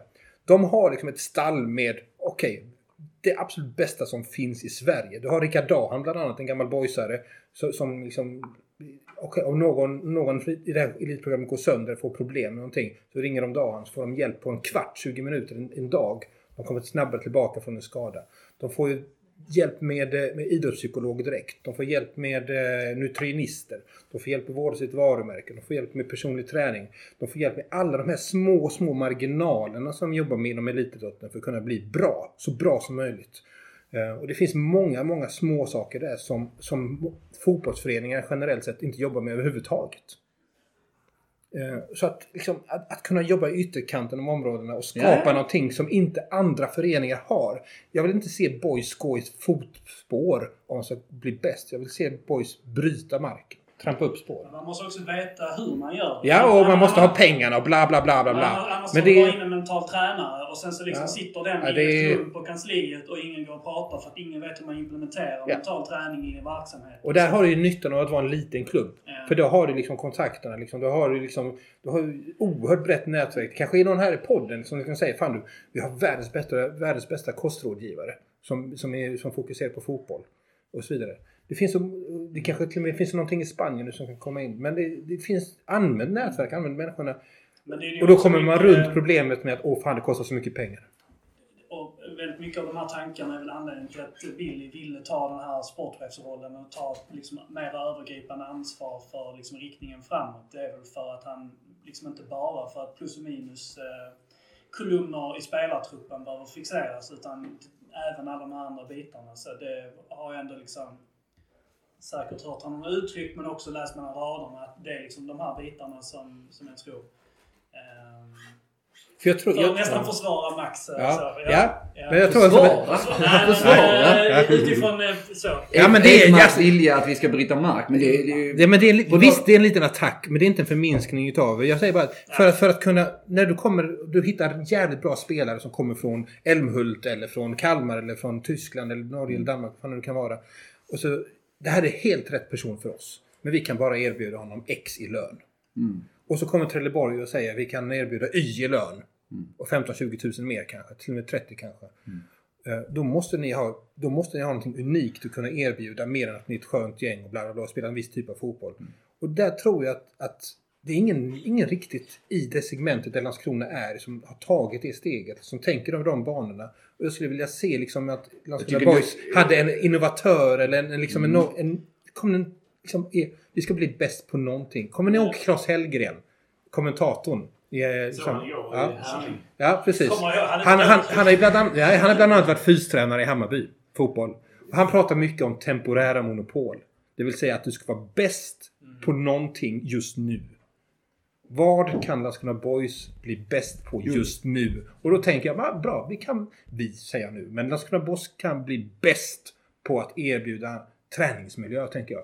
Arena, Men det- arena men det- kanske snart är klar. Då har man hybridplanerna. Du har omklädningsrummen. Mm. Du, har, du har närheten till staden. Du har det Men, sociala. men, men, eh, det, Men- det är kopia, kopia av din och min eh, eh, lilla sp- sparringssession här innan podden gick igång. Ja. Alltså det vill säga, jag håller ju, jag säger inte emot det överhuvudtaget. Det hoppas jag inte, men, för men får det är jag verkligen att du, du konstaterar väldigt många saker. Men lite som Jens sa, det, det är ju huret. Alltså jag tycker att mycket av det du konstaterar, det gör vi ju. Alltså vi, vi- hur mycket har vi inte pratat om träningsmiljö? Alltså de, de kunniga personerna i Boys pratat om träningsmiljö de senaste åren.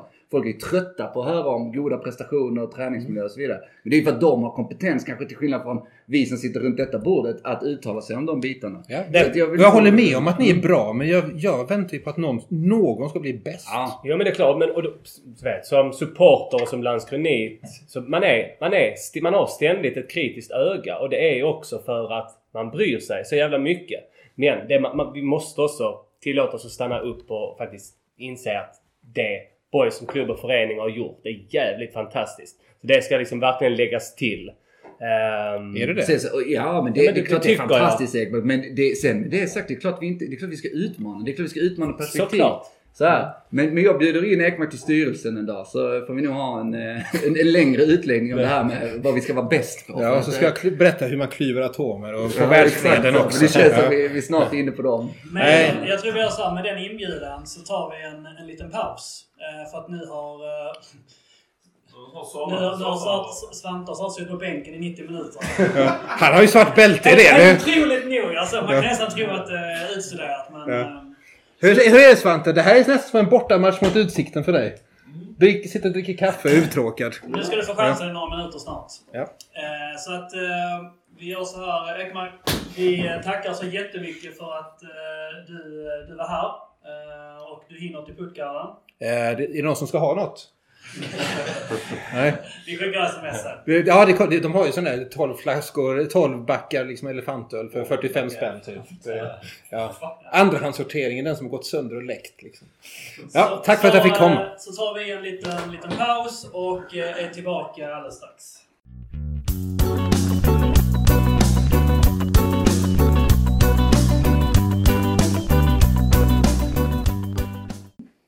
Då är vi tillbaka från en liten eh, paus och eh, ja, som ni hör lite nya röster här inne i studion. Jag, eh, Berna Berglund, har satt mig här tillsammans med Håsan och Fille och vi har även välkomnat eh, in Svante Hildeman här. Tack så mycket. Utöver det så sitter du kvar också Max, när ni inte Yes. svängt till. Vi, vi får se vad fan vi ska fråga. Uttömmande i första delen. Exakt, exakt. Du och Kristoffer gick ju en liten, en liten match här nästan kändes det som. Men Ja, det skötte ni fint.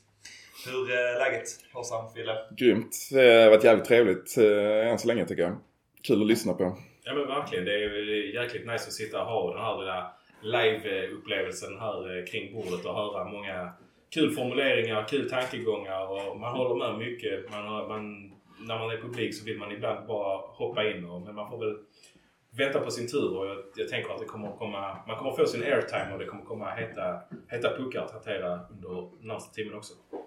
Och eh, Svante, vi ska sannolikt inte gå i fällan som Jens gjorde sist här med att prata liksom, hur det är att sitta, sitta bredvid och så. Men eh, du har ju suttit med och lyssnat också utifrån ett spelarperspektiv och så här. Hur, hur är det att sitta och lyssna och vara med ändå liksom, och inte, inte kommentera? För det är svårt att inte inflika. Ja, alltså jag har ju suttit här bak i soffan och byggt upp ett mörker inom mig. När det har snackats, snackats om mig. Alltså jag... Angående det här med transparens. Ni snackade om det tidigare, om transparens och vad det innebär. Hur man som spelare upplever att befinna sig i en klubb som, som är transparent. Det finns jättemycket positivt med det. Men då kommer ju också sånt här. Att, att jag har öppnat upp eh, att jag har öppnat upp så som jag har gjort och gjort mig tillgänglig. Det gör ju också att supportrar och kanske journalister upplever att de kan sitta och ja, men skämta om mig på min bekostnad. Vilket kanske inte alltid är skitnice. Eh, Så jag vill, bara, jag vill bara säga det att det var inte skitnice att sitta och lyssna på det. Jag är helt fine med att, när ni snackar med mig om det. Alltså då, kan jag, då kan jag vara öppen och transparent och skratta åt det men det är någonting när det görs bakom min rygg som inte är asnice. Mm. Och det, är- det får man ju ha stor, full respekt för liksom. Alltså det vet man ju själv att det är inte så jäkla roligt när när, när det skämtas mycket på ens bekostnad och man framförallt inte är delaktig i samtalet samtidigt. Liksom. Ja, för det är ju också en konsekvens av att jag är transparent. Mm. Och att jag, jag vill ju göra detta. Jag vill ju inte stänga mig på något sätt. Men då öppnar jag också upp för sånt här. Men vad tänker du? Alltså för att eh, en del av första samtalet handlar mycket om det egentligen med Boys med skulle kunna vara transparent. Hur man skulle Mm. kunna bygga en berättelse om människor etc. etc. Att det skulle kunna leda till att öka intresset och så. Hur liksom, du har öppnat upp för det men det är klart att jag hör det innebär ju nackdelar för det. Det innebär sannolikt kanske vissa fördelar också. Mm. Liksom att man syns och hörs på ett annat sätt och får en röst någonstans så. Men ehm, du som är, eh, är inne i, i svängen liksom bland de andra spelarna. Hur, ehm, ja, eh, vad liksom, hur går snacket?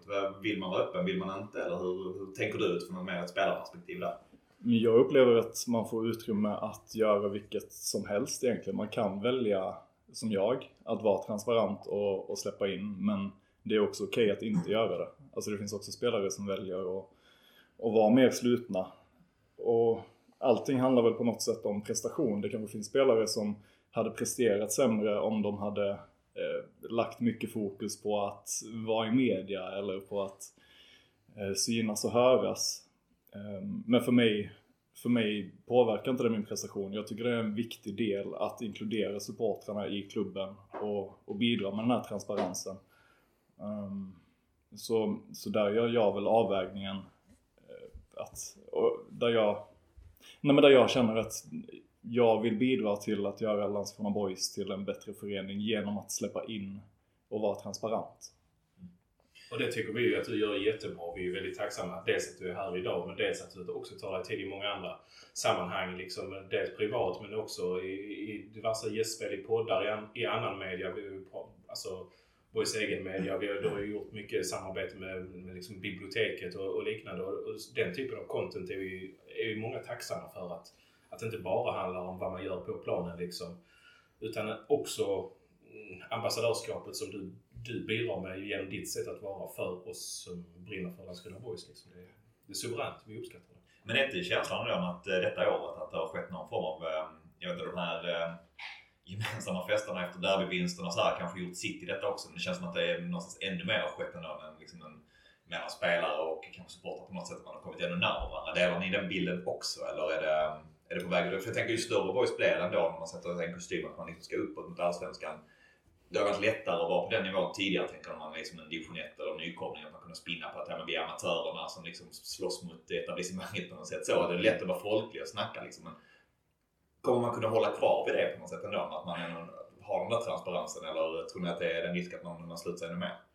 Jag tror det blir svårt att behålla transparensen alltså, om man inte hinner etablera en, eh, en kontakt med spelarna som finns i befintlig trupp. Om spelarna redan har som mål så fort de skrivit på kontraktet med klubben att de vill vidare. Då är det liksom svårt att hinna knyta an till spelarna. Har man å andra sidan spelare som verkligen känner att de trivs i miljön och tar möjligheten att dels utveckla sig själva på ett, på ett eh, fotbollsmässigt plan såklart eftersom det är den primära uppgiften men också hur man, eh, hur man är i privata sammanhang så tror jag liksom att eh, synergieffekterna i det kommer bli, kommer bli starkare både för, för spelarna individuellt men också kanske för klubben som helhet eftersom klubben till stor del består av det som spelarna är utåt eh, gentemot allmänheten. Liksom. Så, så känner jag som supporter. Och sen så är det liksom viktigt med just Svante framförallt, men eh, en sån som Hedenqvist är också jäkligt bjussig. Att det finns de som eh, lite grann banar väg för andra spelare att kanske våga möta supportrar eller ta lite mer plats i andra sammanhang och bli bju- bjussiga. Det är, det är viktigt att vi har kvar den typen av spelare i truppen också. Som, eh, Verkligen. för det, det, komma som ny spelare, det är inte så lätt att bara ta, ta den här kontakten. eh, Man, man är ny i stan och hela den biten. Utan det är viktigt att man ser att oj, här är folk som, som interagerar med supportrar och människor i stan liksom. Eh, Så det- är också viktigt att vi har den typen av kulturbärare i, i, i föreningen också tror jag, fram, framöver liksom. Men för, ja, förlåt. Nej, men jag tycker det tangerar det Fille säger också om att bygga en kultur. Alltså en långsiktig kultur där, där stad, supportrar och klubb, det här med synergieffekter, att jag tror att, det, att man behöver bygga den kulturen. Och det är väl det du säger Berna också, det som att det har varit mer så denna säsongen. Att det måste fortsätta utvecklas på det hållet. Och jag ser egentligen inget hinder. Jag ser inte att det är att boys går upp i nivå behöver inte betyda att det är svårare att få kontakt med spelarna. För jag, jag ser inte varför det skulle behöva vara så. Mm. Jag, jag hade en också eh, en, en, fråga på det temat då. Hur, hur känns det då som, som spelare att verka i en miljö där ens arbetskamrater byts ut med så pass kon- korta inter, intervaller som det gör i, för stunden i Landskrona Boys? Det är inte bara Landskrona ska jag vara tydlig med att säga utan så ser fotbollsvärlden ut på många håll. Men hur, alltså, hur är det? Vad gör det liksom i gruppens sammanhållning och funktioner? Liksom? Hur, hur är det? Liksom? Att, nu, nu, är du inne på ditt tredje år här i klubben. Liksom. Ehm, vad- Fjärde. Ja, du, ja, du har avverkat tre Ja, år. ja, Ja, ja, ja, ja. Ditt fjärde påbörjas nu. Hur är det, eh, alltså, hur är det när man vet om att ja, men snart är det ni som sitter på platsen bredvid mig i omklädningsrummet? Mm. Alltså, det är nog din vardag, det är din arbetsplats. Liksom. Mm. Det är nog det som är viktigt att i vissa fall se det som en arbetsplats. Alltså för saker kommer förändras hela tiden och, och det är en miljö som, som alla i ett omklädningsrum är medvetna om. Ehm, att folk byts ut, så funkar det. Det är också en, en flytande massa på något sätt som anpassar sig efter förutsättningarna och försvinner, försvinner någon så är det någon annan som tar mer plats. Eller så förändras dynamiken och då är det upp till gruppen att få den att förändras på ett positivt sätt. Ehm, för det är inte så mycket vi kan göra åt utan det är så det kommer vara och vi, vi anpassar oss när folk försvinner och när folk tillkommer. Och hur sker den anpassningen då? Alltså, hur, hur, hur gör man för att, för att gruppen ska trivas tillsammans? Så hur alltså, konkret, vad, vad, vad, gör man? Finns det, förr har man ju pratat om sån här kanske lite tramsiga men initiations... på julfest. Ja men lite sådana här ini- initiationsriter och liknande. Men jag har förstått det som att det är, det är kanske ingenting som är lika etablerat i boys längre. Mm. Eh, Men, men hur gör man för att ta in nya arbetskollegor, om man väljer att formulera det så, i, i gruppsammanhållningen? Sådär konkret, det sker ju hela tiden. Egentligen varje träning är ett teambuilding, eh, en teambuilding-session. Eh, Så det sker ju kontinuerligt hela tiden. Och, och i vissa fall så anpassar sig spelaren, i vissa fall anpassar sig gruppen efter spelaren. Alltså det, det är ju det är inte så binärt utan saker förändras hela tiden. Och, men som sagt, varje träning är ju en initiationsrit på något sätt. Tycker vi hoppade, hoppade rakt in här och började, började Mm. liksom snacka lite. Detta följde upp på det som jag sa senast. Men eh, fan, eh, Svante du sitter här för ett par veckor sedan så kablades det ut lite i media också att eh, det var, det var kärvigt med ditt knä. Mm. Hur fan är läget egentligen? Det är bättre än jag trodde att det var för några veckor sedan. Eh, jag fastnade i konstgräset och vred till knät och eh, gjorde en MR-röntgen. Och jag har aldrig haft någon klabb med knäna så jag vet ju inte hur saker ska kännas eh, riktigt. Om någonting, om någonting går sönder, är det då ett korsband? Jag vet inte. Men så gjorde jag då en MR och det visade sig att det var någon broskbit som som var lös sen innan tydligen men som då kanske har flyttat på sig så att den ligger och skaver på något sätt. Eh, Men det, ja, jag är igång med rehab och det är ingen operation på gång. Nej fan just det, rätt svar är eh, jag ska, jag ska hänvisa till, eh, till lagets eh, medicinska stab. Ja. Max, du får svara på den frågan.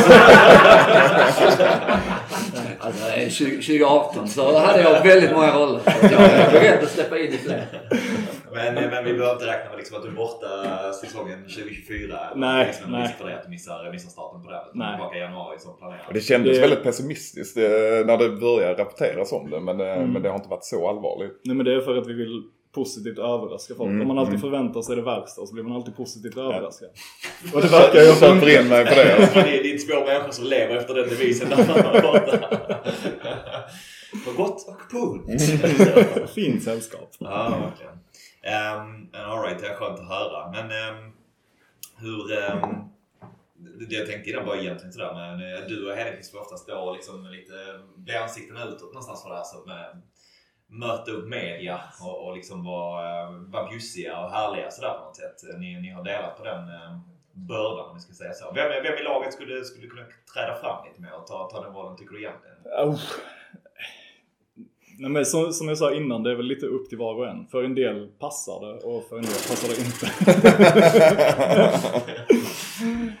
eh, vad fan, Ossi... Ossi-. Fan, det är filter här också. Ossi är väl skitbra på att bjuda på sig själv också, är han inte det? Men gör, det gör han väl utåt också? Gör han inte Alltså, han är ju superfin alltid. om Ja. på honom. Så. Det som är nog slår, slår mig här i, i de... Du, lyfter Ussi, men vi, vi tar också exemplet med Hedenqvist och, och, dig själv då. Men vi har också pratat om Edvin Dahlqvist. Och det som ändå är eh, signifikant för dem är ju att de inte, eller att ni inte kommer från Landskrona. Liksom. Mm. Men ändå har blivit så pass omtyckta ambassadörer. Hur är det liksom att ta till sig eh, myten om Landskrona eller vad berättelsen om Landskrona, vad man ska säga, eh, gentemot hur vi ser på Landskrona och, Mm. och hur man ser som inflyttad. Liksom. Mm. Hur, hur, hur blir det att, att man köper in sig på narrativet eller vad som Landskrona Boys och Landskrona är för någonting? Liksom. Jag, nu blir det tråkigt igen, men jag kan ju bara tala utifrån mig själv. Och för mig när jag, när jag skrev på för Boys så, så märkte jag ju att det är, en, det är en speciell stad. Alltså det är en stad som är så tätt förknippad med fotbollen. Eh, som jag förstått det så var det varvet och fotbollen. Och sen försvann varvet och då är det bara fotbollen. Jävligt hårdraget, jag förstår att det såklart inte är så men, men att Boys och Landskrona är väldigt tätt sammankopplade. Och för mig var det viktigt att förstå det. Eh, för att, för att veta hur jag på ett bra sätt ska representera Boys. Och därigenom också representera Landskrona. För andra, för andra kanske det inte alls är rätt väg att gå. För andra kanske det är rätt väg att gå och bara fokusera på fotbollen och, och liksom, jag vet inte, isolera sig eller hålla yttre omständigheter borta från sig för att kunna prestera så bra de kan på fotbollsplanen. Eh, för mig är det bättre att ha helheten. Ehm, och det är väl det kanske Heden och, och Edvin också har gjort, att de har försökt förstå sig på boys genom Landskrona. Jag tycker att ni är, ni är någonting på spåren där och jag tycker det här är ju ändå en, en, lite, det jag vill ge nu är ett litet beröm till Boys för att, att man är så pass eh, skicklig på att portionera ut uppdrag till sin spelartrupp. Jag tänker på hur Mm. man eh, verkar tillsammans med skolverksamheten och liknande. Att man kommer verkligen och besöker skolorna under deras skoltid. Liksom. Och det är inte bara en eller två spelare utan man fördelar ut det, portionerar ut det på hela spelartruppen.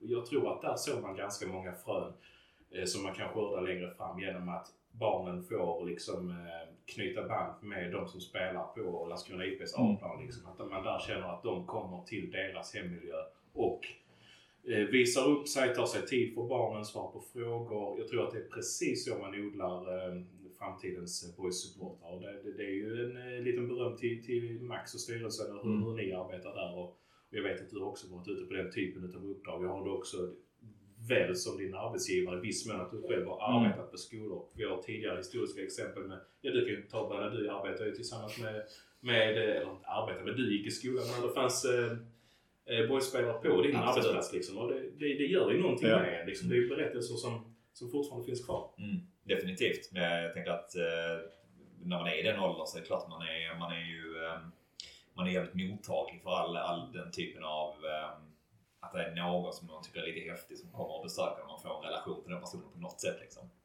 Ja, så det tänker jag är svinviktigt. Och, och ehm, på, på det hållet så så att den här öppenheten som jag pratar om hela tiden liksom för, för att liksom locka nya supportrar, locka fler supportrar så tänker jag att den är att den, den är självklar, liksom, att det, det är superviktigt. Sen var ju Ekmark inne nästa, om jag fattar honom rätt, jag hörde inte allting ska jag säga. Men, inte vi som sa. men att det även skulle kunna verka på andra hållet. Det blir ett sätt att locka bättre spelare också på. Att det liksom är en del i det, det, det resonemanget också. Att genom att vi blir den här klubben så kommer fler vilja komma till oss. Vad, vad tänker du om det som spelare? För jag, någonstans känner jag så här, okej, eh, låt säga Albin 19 från Djurgårdens eh, liksom, U19 som inte riktigt lyckades ta steget och liksom har lagt hela sin, sin uppväxt på att bli fotbollsproffs.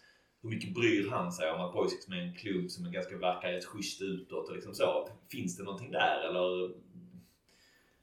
Hur mycket spelar det, spelar det roll för att just liksom investera även i en spelartrupp? Att man är liksom en, en, en bra exempel någonstans på det? Jo, alltså jag vill tro att Albin 19 tycker det är sexigare att spela i, och, och spela i Landskrona Boys för att det är tätt förankrat med stan och finns en kultur i stan.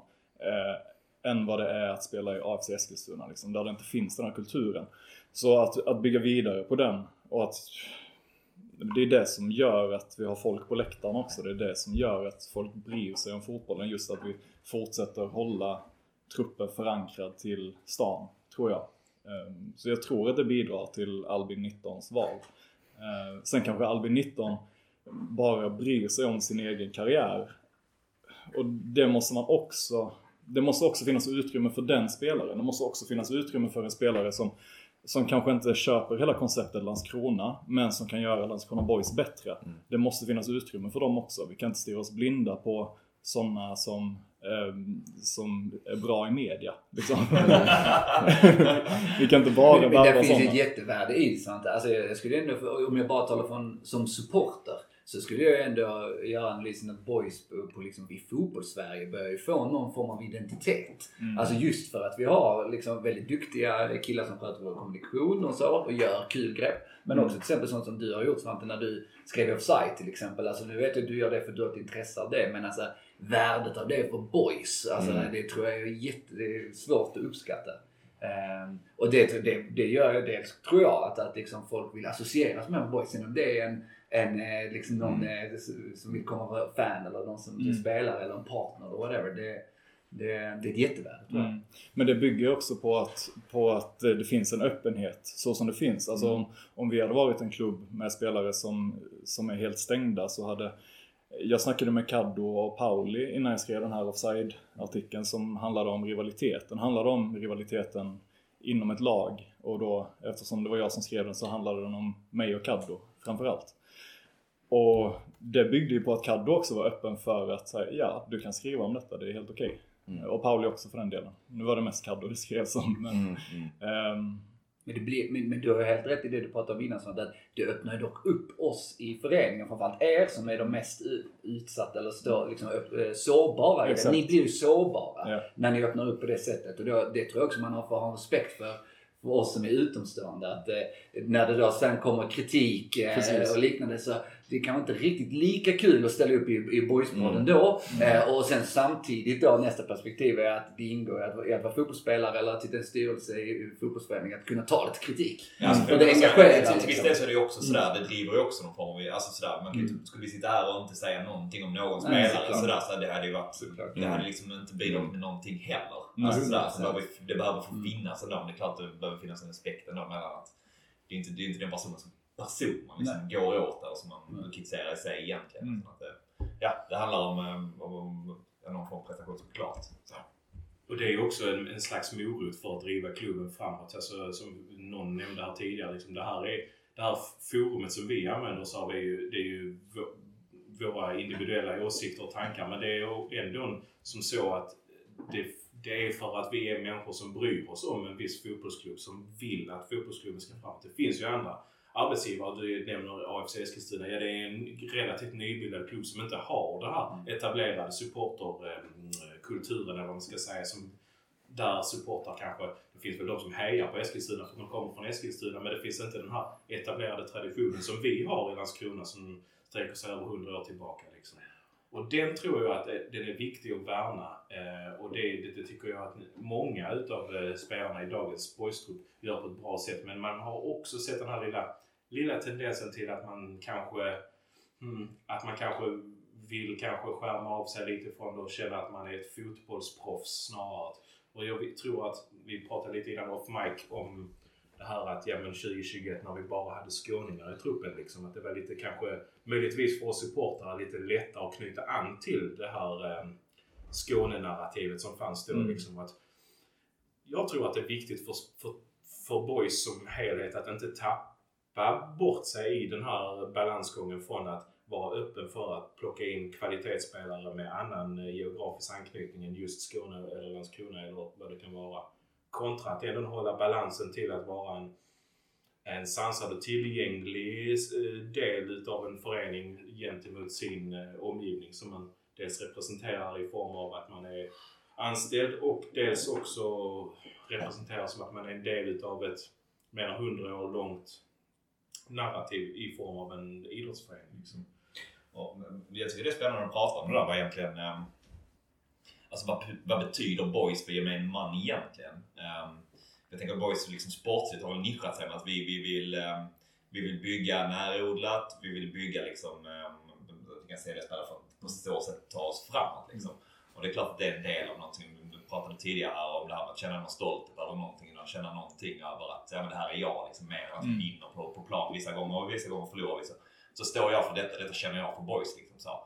Ehm, Ibland tycker jag man pratar lite för lite om det, vad boys egentligen är. Alltså vad, vad betyder boys? Vilka, vilka är man mer? Att man är en säljande fotbollsklubb. Jag tycker, jag, jag sa här innan, jag tänkte, Guys körde någon sån i somras att man, man är dårarna från city. Liksom. Mm. Så jag tycker att det är så jävla ljuvligt med sån här. Detta är vi Mm. verkligen. Ehm, att ha någonting att identifiera sig. Där tycker jag liksom klubben kanske ännu mer ska få, få jobba på det också. Vad, fan- vad fan är boys för, för liksom supportrar egentligen? Men vad är Boys för support? Ja, nej, men det är ni som har... Ja men exakt. Alltså, Ja men fan det är jätteintressant. Jag Jag måste kolla styrelsens kalender för att det är många.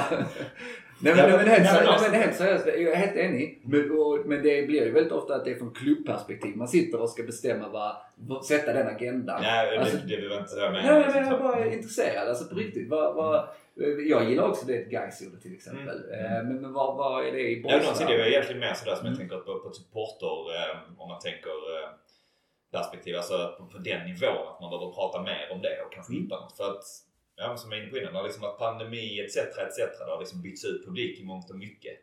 För mig är boys liksom, boys är alltid uppstickaren som liksom ska sparka Mm. uppåt på något Mm. sätt. Alltså, som ska identifiera sig med så som Landskrona är för mig också. Mm. Så som eh, Kristoffer beskrev fint innan. Liksom. Alltså, Mm. där behöver boys befinna sig också. Att även om man ska sälja och ge sig vidare, sen samtidigt en jävligt stolt förening som inte liksom... eh, Ja, det finns de som är större och starkare men det är liksom, ja, skit i det liksom. Vi gör Mm. vår grej.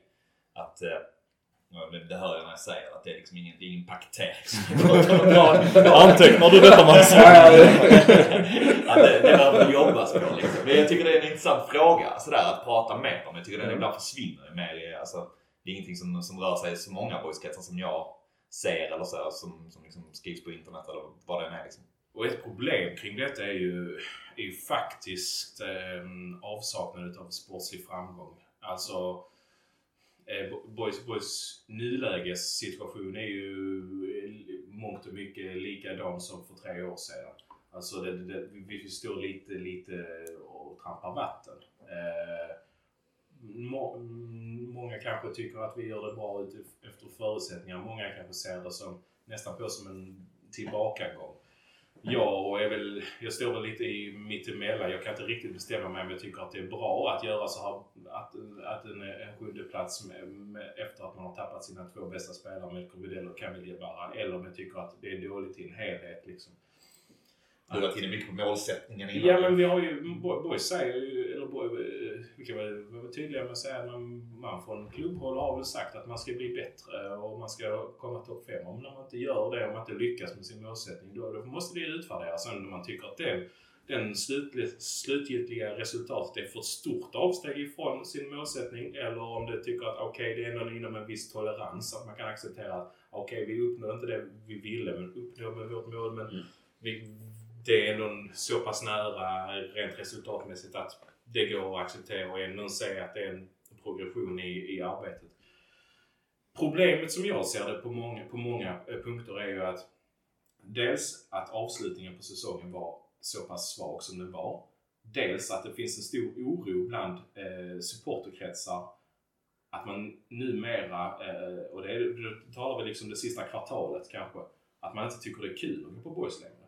Att många, att många tycker det, det, det, det är nästan inte värt att gå ut där. För dels, vi kommer förmodligen inte få ett bra resultat och dels kommer själva matchbilden vara ganska intetsägande. Och det tycker jag är väldigt, väldigt farligt om det etableras som ett narrativ i en supporterkrets. Att man inte varken ens tycker det är kul att vara på idrottsplatsen och man ens, inte ens har en förväntan på att det kommer att gå bra. Um, så där finns en liten farhåga. Nu är vi mitt uppe i en silly season. Det finns jättemycket möjligheter för, för Billy som ansvarig att göra detta bättre. Men man ska heller inte blunda för de här varningssignalerna som faktiskt tickar på. Liksom att, mm, vi får kanske inte misslyckas med målsättningen en säsong till om, om nu målsättningen är att bli bättre än föregående säsong. För då, då, då känner jag att man kanske är lite, lite, lite på fel, eh, fel inslagen väg. Men vad säger ni andra? Nej, men det, då förutsätter man på något sätt att de sportsliga resultaten är det enda som spelar in i, i publiktillströmning. Alltså det du säger om att det inte är kul att gå på IP längre. Alltså, kolla på kolla Blåvitt till exempel. Gör en horribel säsong. Har jättepubliktillströmning ändå.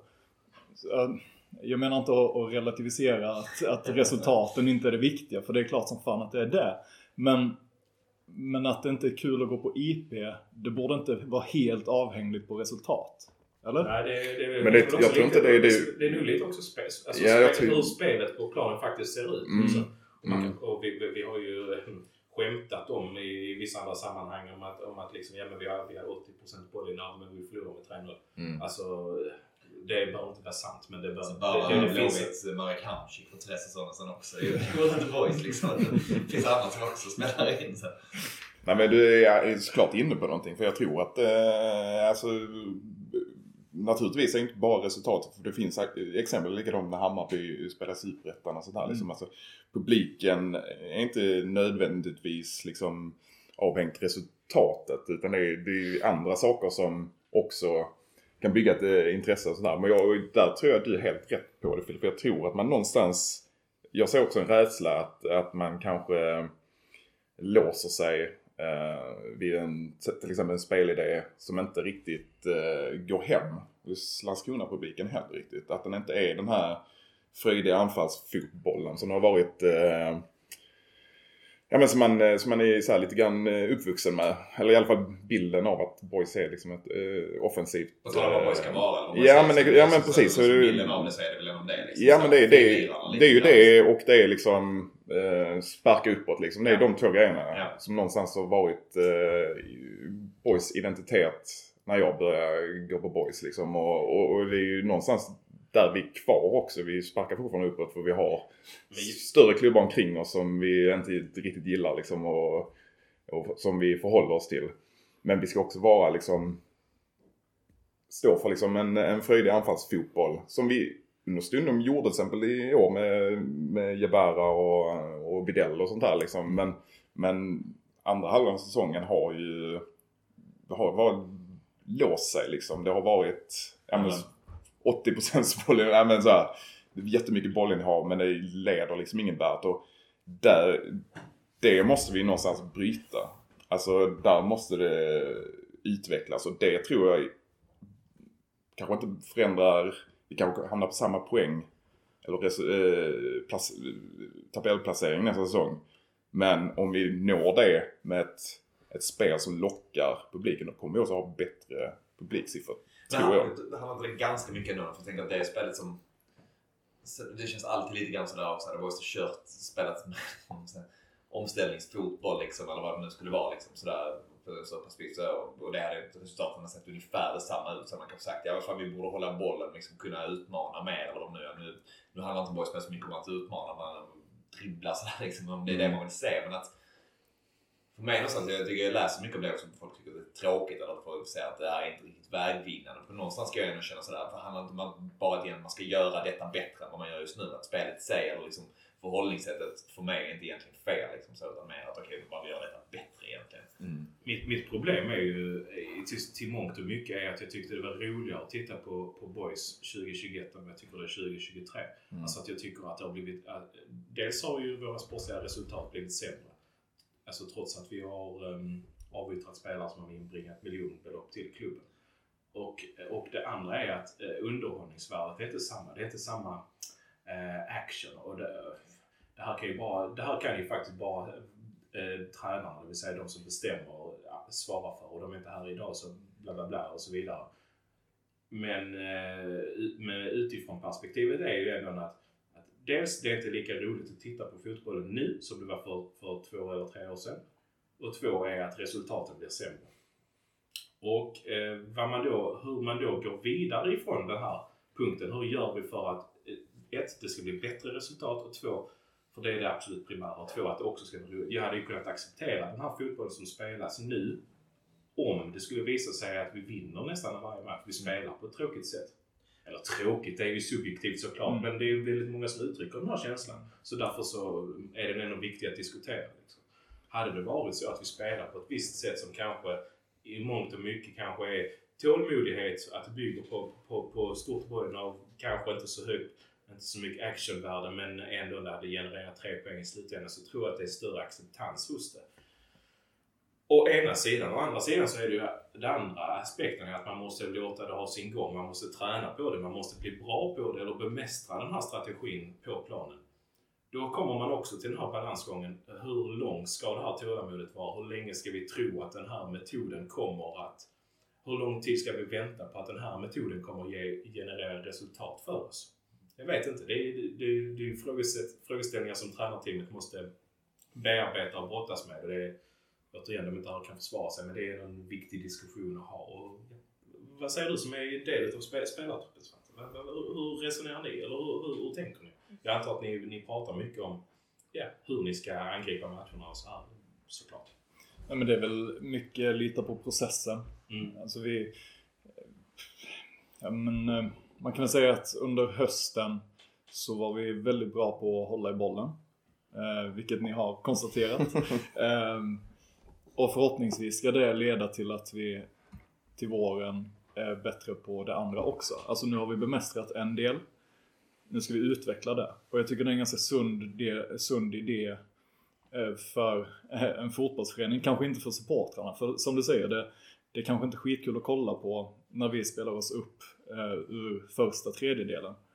Um, och att det sen går i stå. För det är ju det som har hänt, det kan ju alla se. Att vi, vi är skitbra på, på att ta oss upp till mittplan. Um, ehm, och vi behöver utveckla det. Och om ni, liksom vi, har tålamod med processen så tror jag att vi, vi kommer att landa i något jävligt bra. Ehm, men det, jag förstår att det inte har varit skitkul att kolla på den här hösten. Men fr- frustrationen ligger väl säkert lite i liksom att eh, båda säsongerna innan denna här, eller de två tidigare säsongerna landade vi på 44 poäng och nu 39 kanske. Eh, eller något sånt där. Det blir sämre. Ja, så att säga. Eller så. Alltså jag... Folk... Ja, så kan man säga. Eller så är det ju. Man, och alla är ju nog ganska, ändå ganska inköpta på, eh, på att eh, tro på liksom... Eh, att, eh, att tro på processen liksom. Men, men eh, processen måste ju också... Alltså måste, måste ju se en utveckling liksom. Och det är väl där eh, många känner att att det kanske inte, man kanske inte upplever att det är så mycket eh, utveckling. Utan det är så här, ja men nu säljer vi av två spelare. Vilket det är, det är så det ska fungera. Alltså vi ska förmodligen sälja liksom ett par bra spelare varje säsong liksom. Men, men man vill ju se att positionerna flyttas fram lite, lite hela tiden. Och det, görs det kanske. Men det kanske inte syns riktigt. Och då riskerar man lite grann att tappa publik i andra änden. Liksom. Det är också ett ganska tillfälligt narrativ eh, det här. Eh, jag lyssnade lite på det vi ni pratade om tidigare. Eh, det här med att vi ska spela. Det är ju inte jättemånga år sedan vi hade ändå en etablerad mm, syn eller strategi att, att, sp- att spela. Vi ska inte fastna i diskussionen igen. Men, men, men det var inte länge sedan vi hade den här etablerade synen på att, att spelarförsäljningen ska inte ligga i, i, i budgeten. Så att alltså det är nog relativt mm, eh, jag, sku, jag, jag lämnar det lite öppet men det är ändå relativt eh, personbundet för det har, inte, det har inte alltid sett ut så. Det har inte alltid varit strategin att vi måste sälja spelare. Utan det, det är en, en fas och en våg som, som är nu. Det behöver inte vara så om, om tre år. Behöver vi, inte, behöver vi kanske inte ha alltså spelarförsäljningar i budgeten.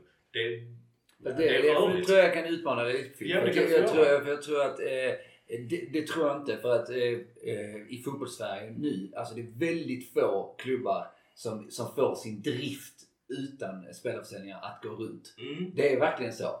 Eh, och om du tittar på, på både i Superettan och eh, i, i Allsvenskan så vill vi, vill vi satsa och få in bättre spelare och akademi och allt vad det är så, så kommer vi behöva de intäkterna. Mm, men det, ja, det, det är ett sätt att se på det. Eller så kan man se det som att men spelartruppen har blivit sämre men varför har vi de här alltså, kostnaderna i så fall? För det kostar ju också att rekrytera ersättare till de spelarna vi avyttrar. Ja, men då blir det ju nästa eh, fråga att liksom, var ligger vår eh, kostnadskostym i förhållande till de andra? Precis, precis. vi, utan att komma, eh, kunna det exakt så tror jag vi ligger liksom någonstans i mitten av superettan eller något sånt. Och det innebär, jag antar att vi vill ha ännu bättre spelare Mm. såklart. Och det, det kostar ju bara med. Mm. Så, så det, det tror jag ändå jag skulle vilja utmana. Sen vill jag ändå, håller jag med dig Fille, att du, du, vi, sen är det ju en fråga om att vi ska rekrytera in så bra spelare som möjligt. Alltså eh, oavsett vad, vad kostnaden är. Och vi, vi, vi, vi har ju vi har ju både rekryterat succéspelare och Ja. spelare som inte alls har gjort några avtryck de sista åren. Problemet blir ju eh, när, och det har vi ju pratat om tidigare på den också, att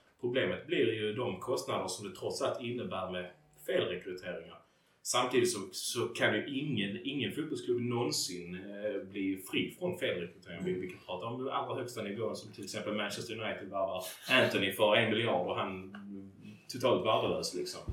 Jag menar, det, det, felrekryteringar kommer alltid finnas och Boys har gjort många sådana. Men Boys har också gjort många bra rekryteringar. Men för, Fra, vägen framåt är ju att man ska, man ska minimera kostnaderna för, för, för, eh, för fel, felrekryteringar och minimera kostnaderna för rätt rekryteringar. Det vill säga man måste vara väldigt kostnadseffektiv. Men å andra sidan måste det ju satsas för att vi ska kunna ta de här andra stegen. Det är ju därför man, antar jag, man liksom går över till att faktiskt budgetera med en viss spelarförsäljning och vill hitta en modell för det liksom.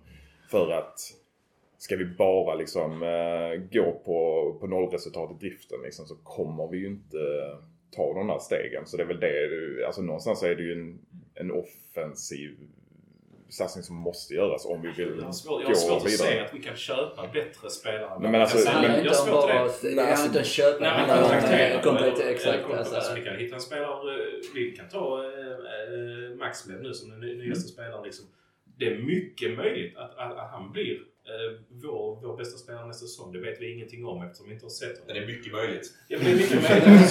Det- Och an- anledningen till att det är mycket möjligt är att vi har värvat spelare från lägre nivå förr och, och de har ju etablerat sig och gjort väldigt, väldigt bra ifrån sig. Så därför är det, skulle det mycket väl kunna bli så.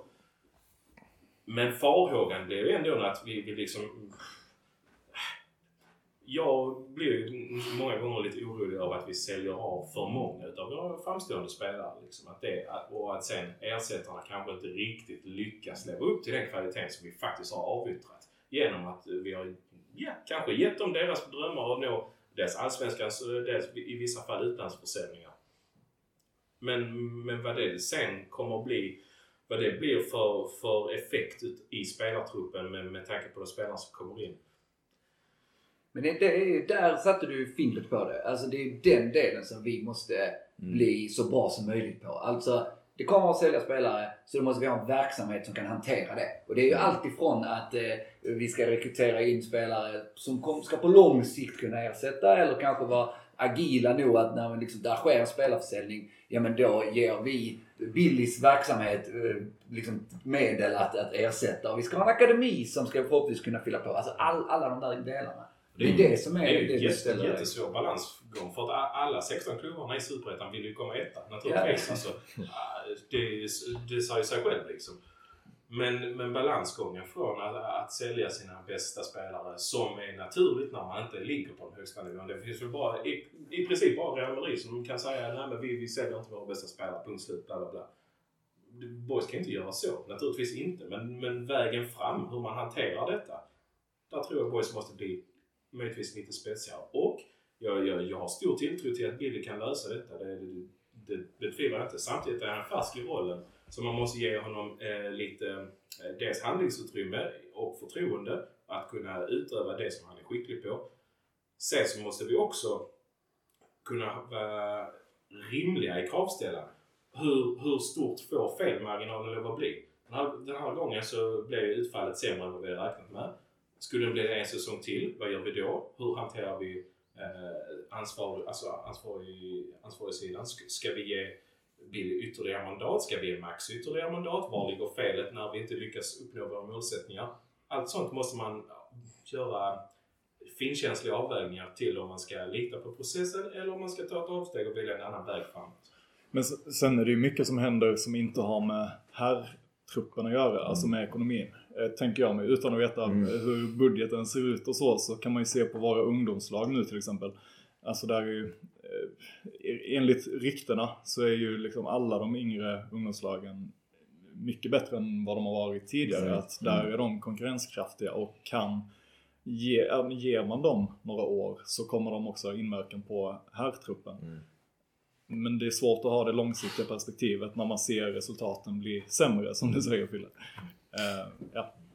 Men eh, samtidigt som är från eh, spelarsidan då. Vi hade ju ett år här med um, två egentligen lite uppstickare i både Gais och Västerås som tog, tog klivet upp. Liksom. Och vi såg även Öster var där uppe och fightades hela året om man säger. Eh, så, ehm, bara de sista matcherna så, så hade ni ju, mötte ni både eller alla tre lagen på, på hemmaplan och så. Man så matchen mot Västerås så kändes det egentligen som att okej, fan Dessa är ett steg för bra liksom. Någonstans så de, de låste oss, eller boys liksom pressen och, och kom egentligen inte riktigt ur den.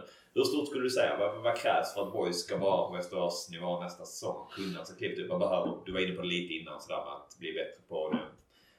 Kommit upp första tredjedelen av planen, löst det bra. Nu är det nästa steg som, som krävs. Är det bara det? Eller vad, vad liksom, hur, hur stor är skillnaden för att kunna bli ett uh, verkligen superettan-topplag? Känner du? Jämnare prestationer. Alltså denna säsongen har vi haft topprestationer eh, men också helt ja, men usla prestationer. Och det är väl det, man, om man kollar på Västerås, vad de har gjort bra denna säsongen, så är det att de har varit jämna hela säsongen. Mm. Skittråkigt svar, men det är ju jämnheten vi behöver. Alltså vi, vi behöver bygga kontinuitet och eh, bli, ha, ha lä, eller högre dalar. Liksom. Vi, kan inte, vi kan inte vara Ja, nu jävlar blev det förvirrande.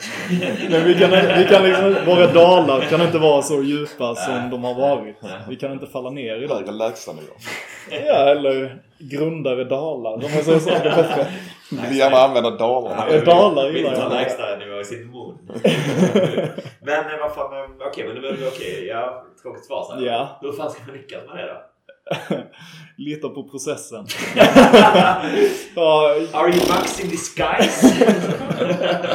River av peruken. Att du håller dig till de eh, talking points som vi enades om innan eh, vi gick in här. Sant? Det är jättebra. Jag ska bara kolla på sin lapp. Nej, men är, inte det också en, alltså, att eh, du säger ju djupare dalar och vi ska hålla oss till eh, liksom mer flacka eh, process. Liksom. Men, men med den åldersstrukturen vi har så är det väl ofta man säger men en ung trupp. Där får man räkna med att det blir djupa dalar ibland och det blir höga höjder. Men är det inte liksom så boys ser ut? Är inte det bara naturligt? Är det inte det som är vår identitet då? Det är kanske det. Djupa dalar, det. höga eh, Toppar. Liksom. Fan, Ja, men- du kan lika gärna sätta det Ja, här. det- Man måste få rycka in. Ja, men- men fråga liksom. Ja, men det, det, är det, svaret så enkelt. Men det har, väl, det har väl också Billy snackat om tror jag. Just det här Ja. med åldersstrukturen. Att, att nu har vi kanske hamnat lite snett på det. Haft en väldigt ung trupp Mm. eh, som har varit sårbar inför djupa dalar. Ehm, och att det är något som vi är medvetna om och ska ändra på. Samtidigt så är det ju också så här att en ung trupp som medför det är ju också eh, höga toppar. Jag tänker att nästan alla utav våra bästa spelare, om vi säger en femårsperiod, har alla varit unga. Liksom. Alla har varit under 25 år, alla de bästa spelarna. Och, och det här är sagt med respekt för Kadura och Phil Andersson också. Men i övrigt så är det ju, om vi pratar om Melker här, vi pratar om Melker Widell, vi pratar om Camille Jebara, vi pratar om Patrick Owadik, vi pratar om unga spelare. Allihopa är de bästa spelarna i laget hela tiden. Phil Olsson också. Alltså, det är ju också kring de unga spelarna vi bygger framgång. Så att det är också... Men det- behöver inte de någon som bär för att det verkligen ska Ja, bli Billy, bra? Liksom, Billy, hade, Billy hade ju det argumentet här i, i, i ett annat avsnitt, eller vårt förra avsnitt faktiskt. Eh, Där, eh, där han är med och liksom jag tänker att, att, att en, en äldre spelare kan hålla en yngre i handen och att man på så sätt blir bättre. Och det, det kan jag faktiskt köpa till stor del, eh, att det argumentet är, är hållbart. Men då kan man också säga så, men har vi, har vi inte redan några etablerade spelare i Okej att, eh, att Alexander Tkac har lämnat klubben, men vi har fortfarande kvar Fille, vi har fortfarande kvar Kadura. Vi- Alltså vi har ju fortfarande etablerade spelare på centrala eh, nyckelpositioner som egentligen skulle kunna bära de talangfulla spelarna framåt ytterligare steg i, i, i sin utveckling. Så att den balansgången, balansgången förlåt, är ju, är ju den är också svår att hantera. Liksom. För vi, vi, vi kan å ena sidan säga att ja, men vi har etablerade spelare på, etablerade, eller på i vår start, tilltänkta startelva. Å andra sidan så finns det fortfarande den här osäkerhetsfaktorn som inte riktigt, som man aldrig kan eh, vända, vä- värja sig mot. Som vi, som vi på något sätt måste hantera. Och det, jag antar att det är liksom svårigheten i ett truppbygge. Liksom, ja, hur mycket ska vi stå på högerben? Hur mycket ska vi stå på vänsterben? Liksom, hur, hur tar, hittar vi vägen fram? Mm, Men utan, utan att lägga för mycket vikt på, på Filles axlar så, så saknas ju han också under andra halvan av säsongen när det är de här djupa dalarna. Framförallt. Eh, och och då, då tappar vi en ganska bärande spelare även om det kommer ersättare som fotbollsmässigt var väldigt, väldigt bra. Men som kanske inte hade det som Fille hade. Nej men jag är helt inne på det. Jag, jag tänkte precis återkomma till Mm. det. Vi kan ju alla, alla vara överens om att Samuel Kotte var ju eller var, är en fantastiskt bra fotbollsspelare Mm. och han gjorde extremt mycket trots sin ringa ålder. Så att det behöver inte bara vara knutet till ålder liksom. Och det behöver inte bara beror på de aspekterna. Det vet jag att Bill också uttalat sig om. Att det handlar egentligen inte om hur gammal en fotbollsspelare är utan det handlar om vad fotbollsspelaren gör på banan. Liksom, och vad han gör för sin omgivning och sina med, med, eh, medspelare helt enkelt. Och där ska vi såklart vara smarta och hitta några bra vägar framåt. Liksom. Men, men hur man gör det och, och samtidigt ta boys i rätt riktning eh, resultatmässigt. Det är eh, 100 000 kronors fråga. Billys jobb. Ja. Billys jobb. Jaha. Om det är 100 000 kronors frågan, vilken är då miljonfrågan? Det är väl, det väl vi, hur vi helt enkelt ska ta SM-guld. Vi ska bli bäst på något. Ring Ekmark. Nej men mannen han sitter väl på miljonfrågan här. Precis. Men eh, ni har ju möte bokat så i alla fall. Ja, Självklart. Så, så det, ska, det ska väl lösa sig. Återkoppla till podden. Fint, Det är fint, fint. Men ehm, jag tänker... Um, klockan eh, rinner på här. Jag tänker att vi behöver börja avrunda lite grann. ehm, och ehm, vi ska tacka, tacka för det. Eh, Max, Svante, superfint att ni var med. Uh, Svante framförallt du, trots senaste avsnittets haveri liksom, så, så, så är du här ändå. Det, är fan, jag uppskattar det som, som fan. Ja. Ehm, men ehm, vi tar en liten paus igen så hörs vi strax. Ja, det gör vi. Heja boys!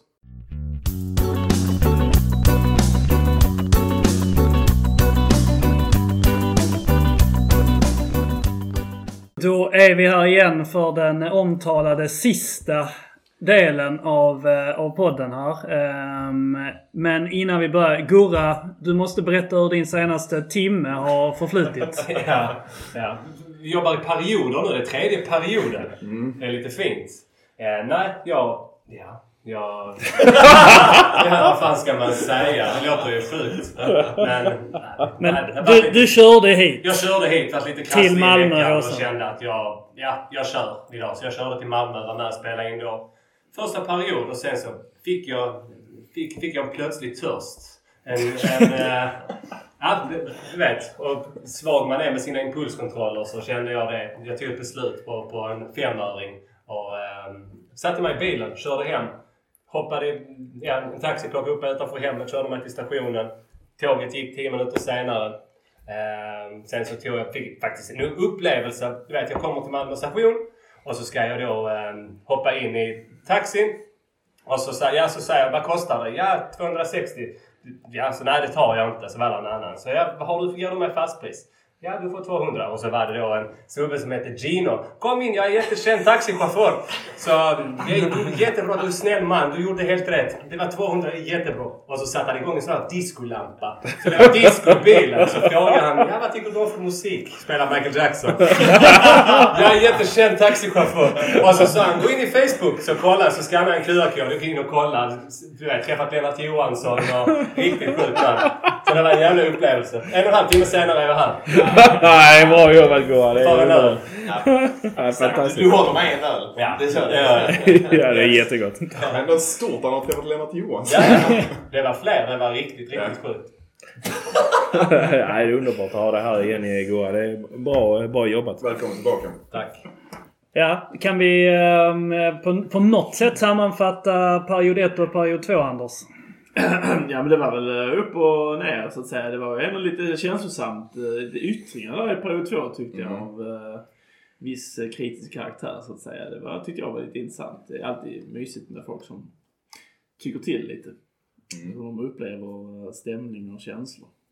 Ja men det, Men det finns det väl trevligt. från, från, från Svante Dan liksom att det faktiskt äh, sätter upp på det. här. Det är klart det är lätt om man, eh, man, man att man bara vill ha, vill ha mer liksom utifrån det här personliga och att äh, snacka i, i media och så. Men det är klart det kommer, kan ju komma med en baksida också att man äh, Ja, man, man, man öppnar sig för någonting som, eh, som klart kan, kan bita en lite grann ibland också. Jag tror också det är nyttigt att, eh, att det sägs. Alltså så. eh, Att han, eh, att han är öppen med, med, det, med det liksom han tycker om det. För att eh, det är liksom inte självklart. Det är lätt att man bara rusar vidare och skrattar bort saker och ting och sånt här liksom. Men det, är- det är fint att eh, verkligen säga vad man tycker liksom.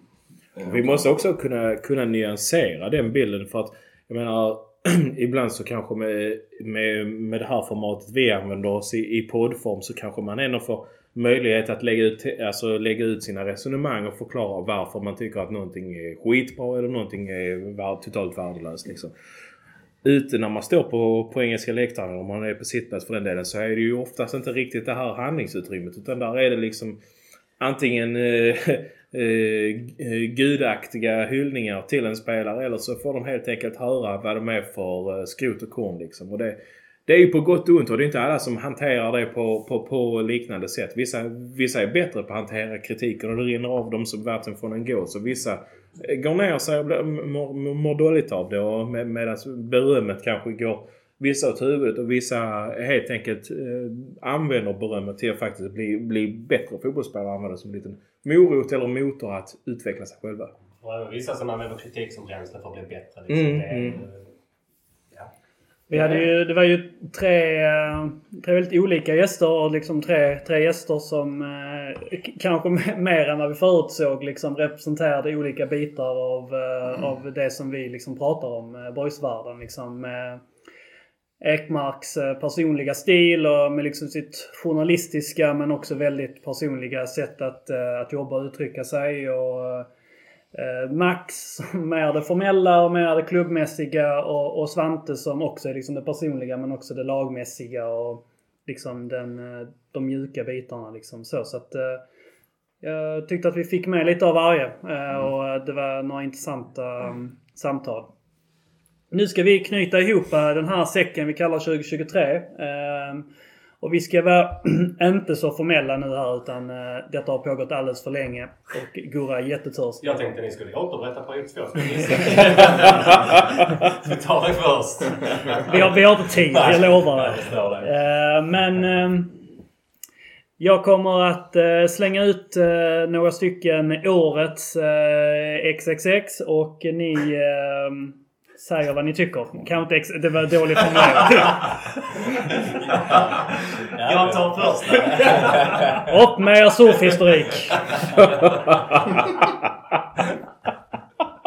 Årets, eh, årets mål då. Eh, vem, eh, vem har ett mål? Nej men det är, jag kan börja. Det är solklart, solklart eh, Adam Egnells eh, 1-2 på Olympia. Alltså det är, det är inget, inget att diskutera. Alltså den, den glädjeyttringen, den euforin, det, det, det det innebär att avgöra ett eh, derby mot Helsingborg i 96 minuten på Olympia. Det, det, det, finns ju, det finns ju liksom inga... Eh, enligt mitt sätt att se på det. Det finns inga alternativ till årets mål. Utan det är det roligaste målet eh, den här säsongen och allt det har inneburit.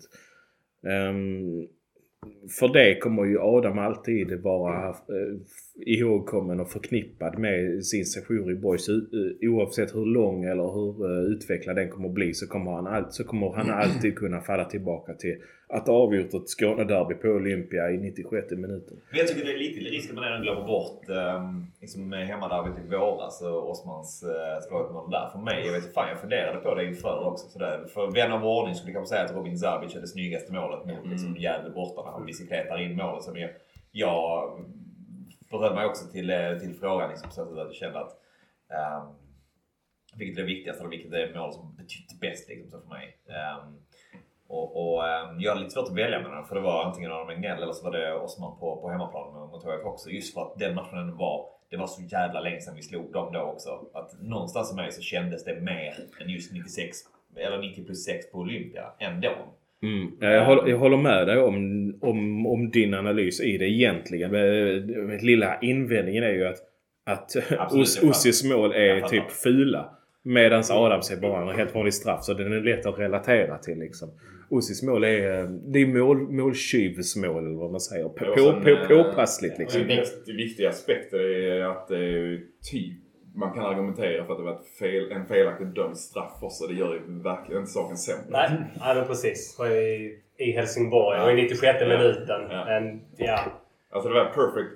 Alltså perfekt manus. Ja det är klart, det, det går inte att skriva bättre. Nej, nej. Det enda som skulle kunna gå att skriva lite, lite bättre är om allting hade handlat om Allsvenskan snarare än Superettan. Och eh, dit kommer vi ju förhoppningsvis snart. Men eh, vi har ju avgjort i Allsvenskan på stopptid Absolut. i Helsingborg tidigare. Som alla vet. Nu har vi ni kanske redan varit inne och eh, filat i de här eh, bitarna, men årets match? Alltså rent viktighetsmässigt, men kanske inte årets match. Men Trelleborg borta kändes eh, spontant som en av de... Jag vet inte, det var nog eh, viktigare än man trodde. Sen fick vi en utvisning med oss, vilket... eh, du? vilket Björn inte riktigt hade koll på i första halvlek. Fan, vi är överlägsna, vi har bollen hela tiden. Ja, vi är en man med. Vad fan! Jag gillar den. Eh, Men jag tror att det var en av de ehm, viktigare tillställningarna. Att vi fick avgöra den rätt snyggt med 3-0 där. Och En mycket liten- folk på bortaplan också. Så det var, eller var inte så långt. Men det var en rätt bra uppslutning. En liten vägskärsmatch Ja, men också. liten Känns som match. säsongen stod, stod, och- stod eh, liksom och ehm, väntade på vart den skulle ta vägen där Exakt. också. Det är väl också så att det är väl Max Möllers första match som tränare? Ja. Det var det nog ja. Stämmer. Men det var också så fint att det, var, det kändes så jäkla enkelt liksom. Alltså nu gör vi tre mål snabbt och lätt här liksom. Avgör matchen. Jag, jag vet inte när det hände senast liksom. Man bara stod och var avslappnad på läktaren. Jag vet inte när jag någonsin har känt så på en, på en match liksom. Och det, det är det som var så jävla roligt med den matchen var att vi, ja, tränarbytet, det hade ju stormat som alla vet i detta laget rejält. Och det är Max första match och det är liksom med hyllningssånger på, på läktaren, Super-Maxi. Två matcher senare så ropar man efter hans avgång när vi förlorar med 5-1 borta mot Utsikten. Jävlar vilken boys. Ja, verkligen. Ehm, så det var, har varit jävligt tvära kast under några eh, gånger under säsongen. Jag plockade in lite grann eh, det som var Örgryte eh, på bortaplan. Eh, Det var väl typ nationaldagen. Det var en röd dag, kommer jag ihåg. Jag åkte dit där. Eh, När Enarsson gör, eh, gör 1-0 90 plus någonting i alla fall också. Efter eh, Camille spelar fram honom. Jag, vill minnas att det var så att fan där och då liksom, eh, som vi var inne på att prata innan om, liksom en Melko Widell och Camille Barra som var överlägsen i Superettan där och då. Liksom. Fan, jag bara kände efter den matchen, när man tillåter sig drömma här. Det var liksom på så sätt en jävligt viktig match. För att det, det kändes som att fan, allting kan hända med detta laget. Någonstans. Um, det var nog en av de höjdpunkterna under året som jag kände att fan, ja, den, den betyder mycket just den matchen. Ja, framförallt för David också tror jag det betyder jäkligt mycket för honom. Eh, Så glädjen, lika mycket som Melker Jonsson gjorde mål i Trelleborg. eh, Som jag är lite personlig förkärlek till Melker Jonsson. Men att han fick göra mål och man såg glädjen i hans ögon när han sprut i klacken. Det var jävligt häftigt. Alltså. Man tänker ju att Melker Jonsson och Tractor Boys Anders går liksom... Ja, men ja, ja, han är, det är en sån kvast. Han har liksom ingen riktig... Han är bara sopa väck bollar och med en- någon form av elegans. Liksom. Ja, Jag gillar honom faktiskt. Hoppas han kan utvecklas ännu mer nästa år. Något motbud? Det är Jens var satt för någon som var liksom eh, din i årets match. Nej, jag landar nog också liksom. Det är väl... Derbyna är väl... Så, är man, är man tråkig på det så är det ju där man landar liksom. Det är väl det, det man minns. Men eh, jag tycker väl också Trelleborg är ett eh, väldigt bra eh, shoutout i så fall. Ehm, just för vad, vad det symboliserar. Sen så i slutändan så symboliserar det inte så mycket för det blev, det blev ju mitten som vanligt. Men där och då kändes det ju viktigt. Lite grann som du, eh, du, du kände med Örgryte liksom. Att det är ju de matcherna man minns liksom. När man kan gå därifrån med en annan känsla än den man eh, kom dit med. Och då, då, då kände man ju att ehm, nu är vi liksom på gång. Nu är vi i en, eh, nu är vi i en riktning som är dit vi vill. Årets eh, snackis. Hur sammanfattar vi den här säsongen i en snackis? Ja, men eh, alltså årets snackis för mig är ju ändå liksom hela, eh, hela grejen kring eh, sportchefsrollen. Liksom Edmans eh, departure från, eh, från Boys liksom. Och att den... Eh, Alltså, jag, jag, det är otroligt svårt att sätta finger på också för att Edman har ju typ inte uttalat sig alls om, om vad, som, vad som har skett liksom och så här. Man, eh, man har någonstans förstått liksom att det är viss eh, meningsskiljaktigheter men man vet liksom inte. Man, för det känns som ett väldigt drastiskt beslut att bara slita liksom. Mm. Eh, så man tänker att det, det, man, man tror typ att det har varit en, en, en större konflikt än vad de Så här, vill, så här i efterhand så är dessutom Edman är ju tillbaka i exakt samma roll som han var i, i Mm. Hittarp eh, när Boys eh, tog in honom som sportchef istället. Så att han har ju liksom bara han har bara återgått till så som det var liksom. Mm. Ehm, Så han har ju inte så här jagat en ny roll. Så det är lite så. Det som du säger så. Där är ju... någon, något blad är inte taget ifrån munnen Ja, riktigt. alltså Billy Ja, exakt. och, Billy och de har ju pratat om det, har fått frågor om det på medlemsmöten och, och sådana här saker. Men det känns någonstans som att liksom, ja, man har inte riktigt fått hela bilden klar för sig. Sen kan, det kanske inte är någon big deal och det är liksom eh, inget vi måste känna till liksom. Men, men, eh, men jag är nog tänkt liksom, vad, vad fan hände? Det kan ju vara så att, att, att, att det helt enkelt är, är bra för Landskrona Boys som helhet. Att vi liksom vänder blad. Utan att, alltså att okej, det här kanske var en eh, rekrytering som var god i, i, i tanken och att vi hade en eh, bra ambition med den här typen av rekrytering. Medan att det kanske inte utfallet blev så som vi önskade. Och att Boys som förening kanske mår bra av att vi kanske, okej vi, vi, vi gör ett snabbt och, och enkelt avslut och vi säger tack till Erik för insatsen men, men, men vi går vidare och vi vill helst inte fastna kvar i hjulspåren liksom som, som, som det skulle kunna innebära. Eh, Så känner jag. Samtidigt så måste man också kunna ta, samtala om det. Och den faktiska påverkan som, som e- e- Erik hade. Han hade ju en väldigt stor påverkan att vi fick hit eh, två sådana spelare som ehm, jag tänker främst på Kofi Asara och Melker Widell. Liksom att det är två spelare som han värvade till Landskrona Boys. Samtidigt som han också värvade spelare som inte alls lyckades göra sig ett namn. På, och vi behöver inte fastna i det men det var vissa namn som inte hade i en Landskrona Boys trupp att göra liksom. Så att det är lite, lite dubbla, dubbla måttstockar så som jag ser på Edmans tid i Boys. Det, det, det fanns både bra och dåliga aspekter men att, men att Boys kanske mår bäst av att kapsla in det och lägga på en hylla så tar vi det mm, Ja. lite längre fram i, Mm. i periferin. Ja, och det, det är intressant. Jag, ja, som alla vet vid det här laget, är ganska konspiratorisk. Jag, jag var ju väldigt så här, när Erik Edman lämnade så var jag ju ganska säker på att jo, men det är för att han vill ta sportchefsrollen i Helsingborg. Och det är någonstans det du säger Jens, att han är tillbaka i exakt, exakt samma roll. Så det är inte det att Erik Edman har jagat någonting. Han har liksom inte bråkat sig ur för att jaga någonting eh, för att komma ifrån. Och det kan jag ändå lite uppskatta med honom. Det gör ändå att det blev ett lite finare avslut. Och det, det hjälper mig att få en mer nyanserad bild av, av hela det här uppbrottet. För att ja, Billy och Max är nog inte helt enkla att, att komma överens med och samarbeta med. Utan det är nog så, och med all rätt. Liksom, de har varit i klubben så länge. De ska ha väldigt mycket att säga till om. Men jag tror att det har varit lite samarbetssvårigheter. Och det gör ändå att jag får en lite annan bild av Erik Edman. Och kan uppskatta det arbetet han gjorde på ett annat sätt än om han hade hamnat i HIF när hans, jag vet inte, karantän var över eller någonting. Så... Ja, absolut.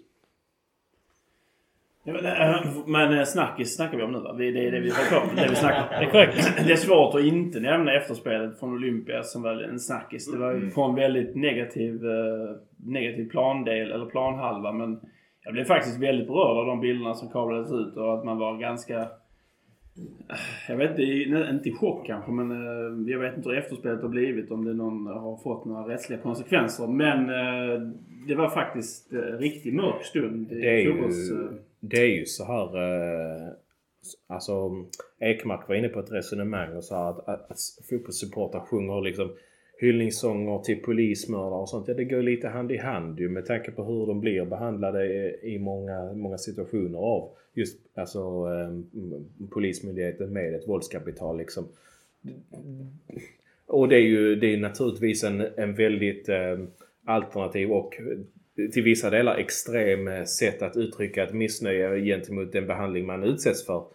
Men den å andra sidan också, den, den, den, bygger å andra sidan på några faktiska händelser. Den bygger inte på, den bygger inte på ingenting utan den, den, den bottnar ändå i ett missnöje mot den behandling man själv har blivit utsatt för eller ens vänner. Det handlar ju mycket om också eh, hur, hur man ska samarbeta med, med supportrar när de eh, beter sig. Ja, Så att Ekmark-. Och där, där har han ju en stark poäng. Liksom, att E- det är, det är sånt som jagar bort sponsorer. sen. Så kan det vara med Ek Ek- Ekmark. eh, Anmärkte ju på det här pol po- polishatet som finns bland mm. ståplatspubliken i mångt och mycket. Och ståplatspublikens missnöje grundar sig i mångt och mycket också det, det, dess missnöje mot Polismyndigheten som en, en verksamhet som en myndighet i deras bemötande gentemot eh, supportrarna själva bara ett par veckor, Sen- månader tidigare liksom att de misshandlar oskyldiga. Eh, Sen, eh, sen handlar det mycket om eh, typ det, detta är väl egentligen eh, någonting man inte behöver prata så mycket om. Men eh, om man pratar om typ vad Ekmark sa så handlar det väl mer liksom om en form av jargong som finns i, eh, i supporterkretsar. Vi har alla varit 18 år och stått och sjungit om, eh, om eh, polismördare liksom. Och ingen av oss har egentligen vetat vad man sjunger om. Eh, och det är väl mer den biten tolkar jag det som att eh, det finns liksom en uppfostrings... Eh, eh, del av en klackverksamhet och liksom en förening som också kan, kan vara relevant så att jag tror att även om du känner ett eventuellt ett polisförakt eller vad du, eh, vad du kan känna så skulle du kanske inte stå och sjunga... Nej, det var inte jag som sjöng det utan det var ju de Nej, andra som det har blivit utsatt för det kanske. Ja men jag menar om du känner att eh, oavsett om du känner eller inte känner så skulle du kanske inte liksom ta de orden i din mun nu. Som du kanske gjorde för 10 år sedan. Och det är väl mera, eller 15 år, vad, vad som helst men det är väl mer en diskussion om hur jargongen kan gå i supporterkretsar än att eh, ta, ta det inte så liksom. enkelt spåret att bara är det ena eller det andra. Liksom, så såklart. Utan det är ju, ja. Men, men eh, som, som snackis liksom, eh, är jag helt med på det. Ja. Men eh, jag har försökt gräva lite, eller så här, skicka några passningar till HD och sånt där vad som händer Ja. egentligen i fallet liksom. Men det har varit ganska tyst, tyst kring, kring händelsen. Man vet inte riktigt vad som är, vad, som, vad efterspelet egentligen kommer landa i. Så det är väl bra att, att det tas upp här nu. Ja, men jag tyckte, ja, ja precis, och det såg jag på Twitter. Jag tyckte det var bra att du tryckte på lite men jag, jag var ganska oberörd så här att jag jag inte det. Eller oberörd, nej det kanske är fel. Men du vet. Ja, men man, man, kunde- man kunde ju fått en... Man kanske hade... Bra lyfta det lite. Ja, det är bra att lyfta det och det, det kanske säger någonting ändå. Liksom, svaret och bemötandet. Det kanske säger någonting om hur svårt och komplext det är men även att kanske är svårt att ta i. Det är ju inte konstigt om unga människor är lacka på eh, en myndighet med våldskapital om deras polare blir misshandlade av snuten när de inte har gjort exakt. någonting. Och Så, så är det ju. Och jag, det har jag, nämnde jag i någon podd. Jag satt ju faktiskt i bussen på vägen hem och, och, och tittade ner på misshandeln. Och det var ju sjukt. Och omskakande på alla sätt och vis. Och jag såg, jag såg med egna ögon att det var väldigt många totalt oskyldiga. Mm. Eh, Sen kan jag inte svara för om någon sa något. Men jag såg hela händelseförloppet med egna ögon. Och det var fan inte roligt. Så jag, jag fattar att man tappar förtroende. Eh, Det förstår jag. Sen så kan jag förstå, jag kan förstå polisens, inte pass polisens agerande, men jag kan, förlo, jag kan förstå att polisen har en viss bild av supportrar eller en klick supportrar. Det kan jag också förstå. Eh, men där är ju, jag menar, de som står på, på arenor, arenorna och läktarna och beter sig. De är inte utbildade. Det får man inte glömma. Poliserna har liksom en lång utbildning. De bör kunna, man bör, dels bör man kunna filtrera bort sådana idioter. Som- För att, och det är också uppenbart att det finns vissa som roar sig med att slå, eh, slå du vet adrenalinjunkies som roar sig med att slå ner supporten. Inget snack. Men, ja. Jag vet inte, det blev väl ingen riktigt bra slutsats. Men polisen, polisen, polisen har faktiskt en utbildning och, och jag förväntar mig att de kan agera på ett annat sätt och bedöma situationer och uppmana till ett lugn på ett annat sätt. För det här var det helt uppenbart att det var många som ville gå rätt in i den jävla kulan och bara liksom trycka på. Och det är fel. Sen är det väl, eh, egentligen man tänker snackis överlag, det har väl varit, det känns som denna säsongen att det har verkligen exploderat här kring eh, vilken fot står Boys på egentligen? Ska man bara vara en säljande klubb eller ska man vara liksom den som faktiskt satsar på att ta, ta liksom nästa kliv och ta sig vidare? Det känns som att det under hela säsongen och kanske eskalerat efter sommaren med både i försäljningen och Widell-försäljningen under väldigt kort tid. Ja, Det börjar ju redan med, med, med försäljningen av Melker men till att det, seriesexor. det, det, Det var ju också i år liksom. Man, man glömmer att det är i år men det... Exakt, det är fyra, fyra liksom av Stora ja, försäljningar.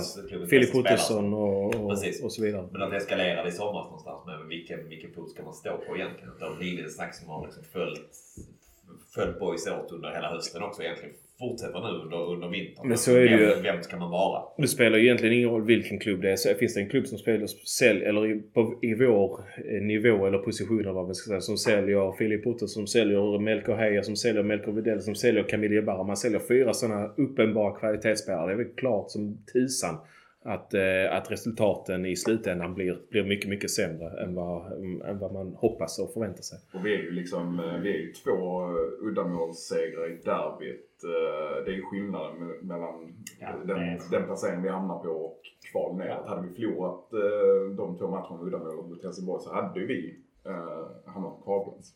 Det, är alltså, det är inte mer som skiljer. Ja, det är jävligt intressant och vi har ju blivit, vi som, alltså, man har blivit lite lurad som boysare. Med tanke på att, tittar man då, det är ett bra exempel. Du, säger det att det är två derbysegrar ifrån att vi hade befunnit oss där Helsingborg befann sig. Enda skillnaden var att de befann sig där hela säsongen. Vi befann oss Ja. snarare i två djupa kriser. Men även i två perioder där det såg riktigt bra ut. Och det gör att man, men man blir förlåtande eh, och glömmer. Det blir lite så liksom sista, sista vad är det, fem matcherna som Boys bara ja, okej vi har checkat Ja, ut liksom. mm. Vi behöver inte spela så Men, men det är ju otroligt irriterande. Alltså, det, det, det som irriterar mig absolut Mm. mest det här att det är okej att checka ut. Det är Mm. fan inte okej. Det får inte se ut så som det gjorde de sista matcherna. Jag tycker det är för jävla dåligt alltså. Ja, ja. Det kan jag Alltså, med, jag, det jag, kan jag verkligen hålla med om otroligt upprörd. Man sitter där och man lägger ner så jävla mycket tid och så är det okej att checka ut. Det Ja, kan ju aldrig vara okej. Ja, liksom. nej, jag håller helt med dig där Anders. Och, och verkligen. Och, och man ska också komma ihåg att, alltså, att spelarna får ju lika mycket i lön när de gör det bra i, om vi säger juni, som de får när de gör det piss i oktober. Mm. Alltså, alltså... Det Det blir beror ju på, de kan ju ha resultatbaserade kontrakt. Okej, okej. Den men- lilla men- brasklappen. men Men, liksom. alltså Ja. i, i grund och botten liksom att, Mm. att, att, det, Ja. att det ska få se ut så som det gjorde i avslutningen på säsongen. Mm, Så, Ja. så jävla Men långt alltså, tålamod kan vi inte ha så ju. tänker jag sådär, det är väl... Alltså, jag, kan, jag, jag kan någonstans köpa lite grann att okej man... Att det är helt på, men den är inte lika viktig för, för boys som det är viktigt för Västerås att åka till den matchen och vinna IP. Liksom. Det- Så, så, så kan det ju vara. Liksom. Men, men efter, när man någonstans åren innan har pratat om det, det är väldigt viktigt att få, få en bra avslutning. Det ger oss en skjuts in i det nya året och så vidare och så vidare. Ehm, det bränner man ju lite igenom. Att liksom, det kändes ju som på alla håll och kanter som okej vi har checkat ut. Det såg man ju på kroppsspråket på spelarna. De hade gett upp ju. Exakt. Alltså de, de brukar ju inte allvar ju. Nej. Och det är ju ett jättestort problem. Det är ju, det är ju dels problem dels för enskilda spelare själv att Alltså hur ska de kunna se sig själv i spegeln och säga ja men jag gjorde verkligen mitt bästa idag. Alltså det ser vi ju. Det, det, det ser ju vem som helst ju. Vi är ju vi är ju inte blinda. Vi har ju vi har ju följt boys i 25 år liksom. Vi ser ju att ni inte gör ert bästa. Och det är provocerande så in i bomben. Särskilt när man tänker på att, att liksom det är vi som betalar lönerna. Och, och, och det är, är om, man, om man pratar just om det som Böna är inne på. Att man ska göra en fin avslutning liksom för att knyta band till nästkommande se, se, säsong. Det provocerar ganska mycket alltså. Sen kan man ju så, givetvis ha förståelse för att motivationen tryter. Det kan det göra. Men det får inte tryta så mycket att det ser ut som att du skiter i din arbetsuppgift. Det är en stor skillnad tycker jag. Men det är skillnad mellan eh, spelarna Landskrona Boys. Boys är deras arbetsgivare, det är deras jobb så. Om man jämför med oss då som har vanliga jobb, de flesta av oss så. Men jag, jag kan bara liksom jämföra med exempelvis mig och Gurra som jobbar liksom med, med försäljning och jobbar med, med års, årsbudgetar och liknande liksom så. När vi, om vi liksom befinner oss i en situation där eh, året är liksom som det är och man vet att eh, liksom, man kommer inte förändra sin situation för, det, för detta året. Utan man vet att så, ja, men jag har gjort det ganska bra här nu. Eh, vad jag än gör nu de här sista två månaderna så kommer jag liksom kanske inte... Eh, jag kommer inte spränga någonting liksom. Utan jag har gjort ett ganska gediget jobb och det gör att jag liksom befinner mig i en helt okej situation. Jag kanske inte går det där extra, de där extra metrarna. Jag kanske inte jobbar över på kvällarna nu liksom. Utan jag, jag är ganska nöjd med vad jag har gjort så för mig är det på något sätt liksom fine att kanske ha den känslan i kroppen och jobba med den förutsättningen. Och, men eftersom att en fotbollsspelare kanske på något sätt nästan utgår ifrån det också, omedvetet eller medvetet. Men de liksom, vi behöver bara liksom förhålla oss till våra närmsta kollegor och vår närmsta chef kanske. Medan en fotbollsspelare, en högerback i Landskrona Boys, bör förhålla sig till 4000 individer i, i staden som liksom har förväntningar och krav på vad de ska göra. Medan liksom den individen kanske inte egentligen tänker så eller förstår det eller känner det. Så att den, den checkar ut. Men det finns fyra stycken, 4000 människor som känner att du får inte checka ut. Mm. Ja, Men jag jag med. själv, jag kanske själv checkat ut i en liknande situation. Alltså, Jag håller med dig där. Och det, det blir lite som att man glömmer bort sitt, sitt, sitt ansvar. Som det. Men ja, man har ett ansvar först och främst till sin arbetsgivare. Att man ska dels ja, men göra det som eh, naturligtvis som, som sin, sin ansvariga tränare instruerar dig om. Och att det ligger liksom lite inbyggt i konceptet att vara en elitfotbollsspelare. Att du alltid brukar allvar, att du alltid gör ditt bästa i varje situation, i varje match och i varje enskilt moment. Så är det ju. Sen så finns det ju också det här som du är inne på där Jens med, med eh, ut, eh, allmänhetens förväntningar liksom. Och det, det, det, jag, jag tror att du är helt rätt på det där att, att vissa spelare kanske, kanske inte riktigt känner den här samhörigheten till Landskrona Boys som man behöver göra för att liksom gå den här extra halvkilometern eller vad man, vad, vad man nu är ute efter. Vi, vi säger halvkilometer. Va, hur? Vadå en halv? Nej men vi kan, vi kan säga en hel. Alltså, en vi, vi kan, säga en mil? vi, vi säger en mil till. Alltså att vi, vissa gånger så pratar man om att man behöver liksom göra jobbet lite, lite längre. Man, man, man kan säga, jag, jag, jag kan inte boys eh, exakta löpsiffror över hela säsongen. Och det kan ju vara så att man har löpt så att säga på pappret tillräckligt mycket. Men vi säger också att man i så fall, om man säger att det på pappret skulle vara tillräckligt mycket.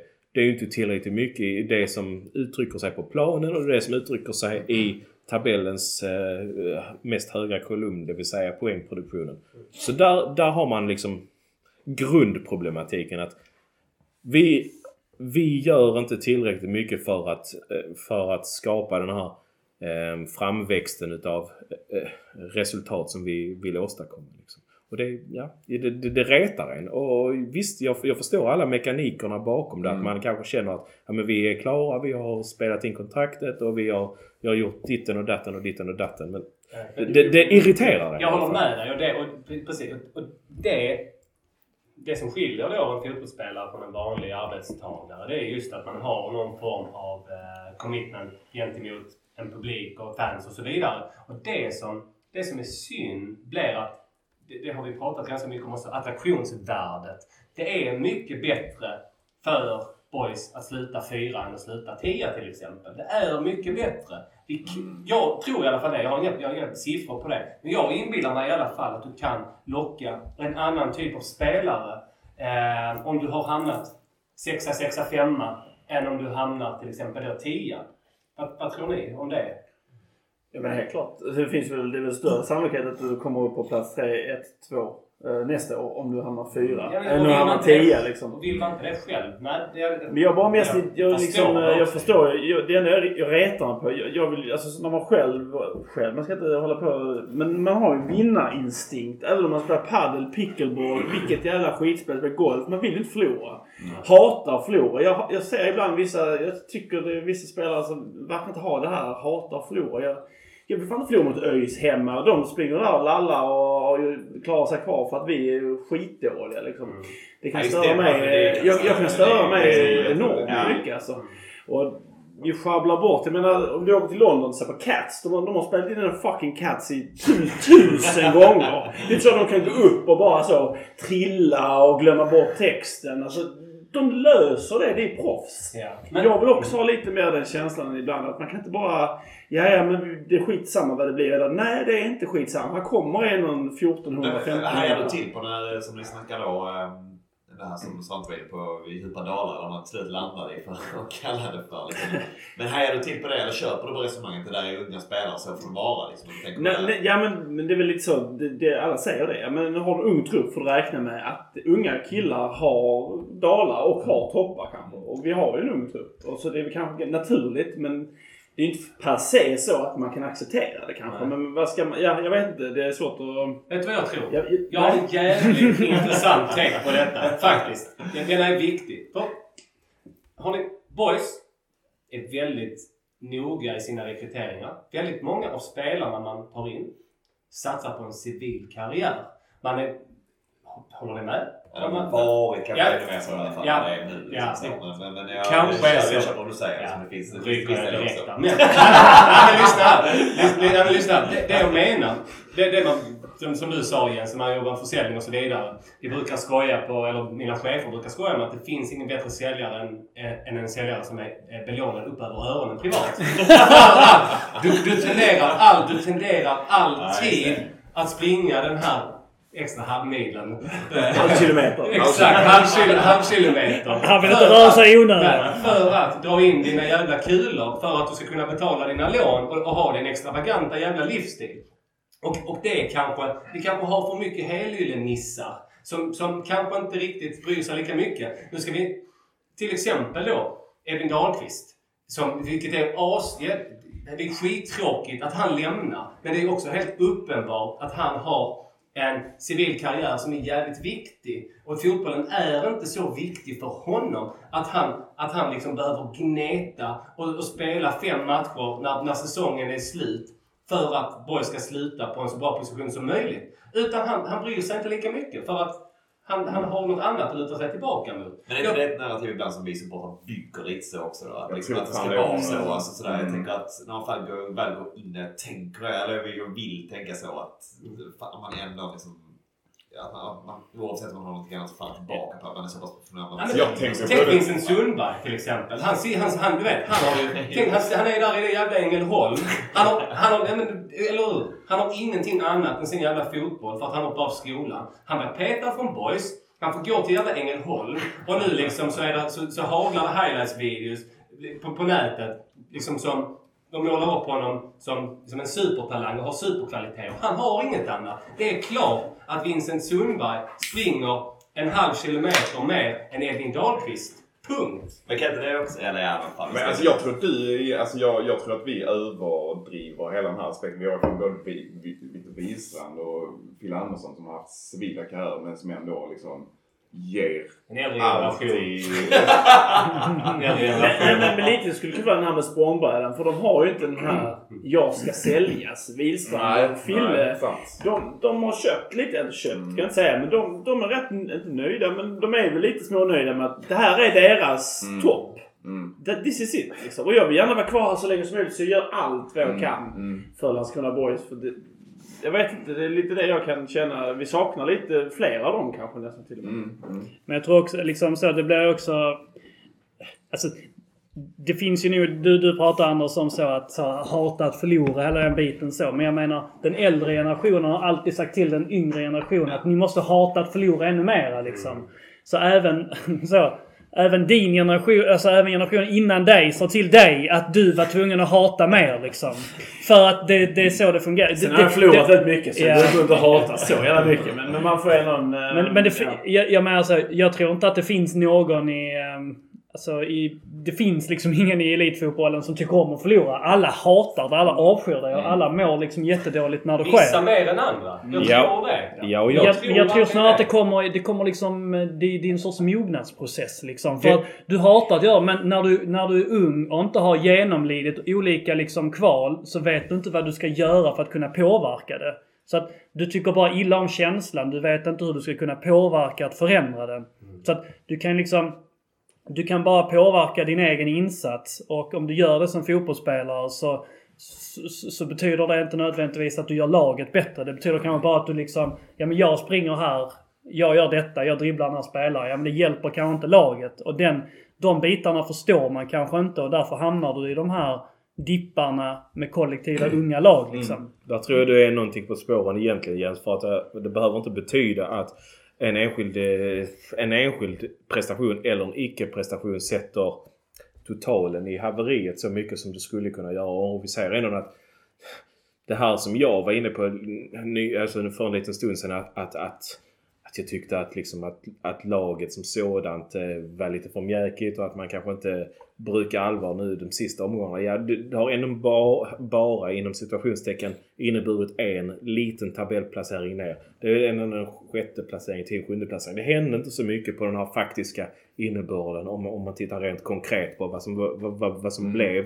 slutprodukten utav ett en prestation eller en icke-prestation liksom. Och där tror jag du är rätt på det Jens. Men samtidigt så måste vi också kunna komma tillbaka till det här med att unga spelare har ändå en viss mm, drivkraft, en viss morot, en, en, viss, en viss... Det finns någonting i många unga spelare som, som automatiskt gör att man vill framåt. Jag, jag kopplar gärna tillbaka till säsongen 2021 liksom, som var vår första superettan-säsong på ett par år liksom jag tycker fort, jag, jag är lite kvar i det mentala mindsetet att, att där och då var det liksom roligare att följa boys. Och inte, ja naturligtvis blir det ju lite roligare att följa boys när boys är serieledare, när boys är det bästa laget i serien, när boys spelar den här sprudlande offensiva fotbollen med mycket offensiva löp och så här. Det, det är väl klart att i sig så finns det någonting inneboende i den här mekaniken som, som gör att man attraheras som åskådare och så vidare.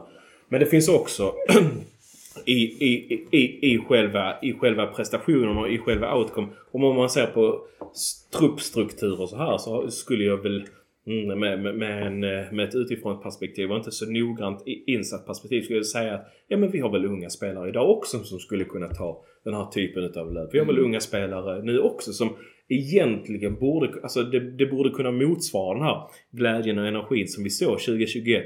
Som dels kanske berodde lite på att eh, nykomlingen ser lite sprudlande. Det kanske berodde på eh, jag vet inte egentligen vad det beror, vad, vad- som egentligen gör att det var så himla mycket, mycket lättare att attraheras av 2021-laget än vad det är som att attraheras av laget 2023. För att nu känns det som att jag vet inte, vi spelar lite med handbromsen i. Vi spelar inte riktigt vi, vi har många skickliga spelare, det tror jag alla, alla som sitter här inne diskuterar idag. Vi sitter många timmar och pratat om boys och kring boys.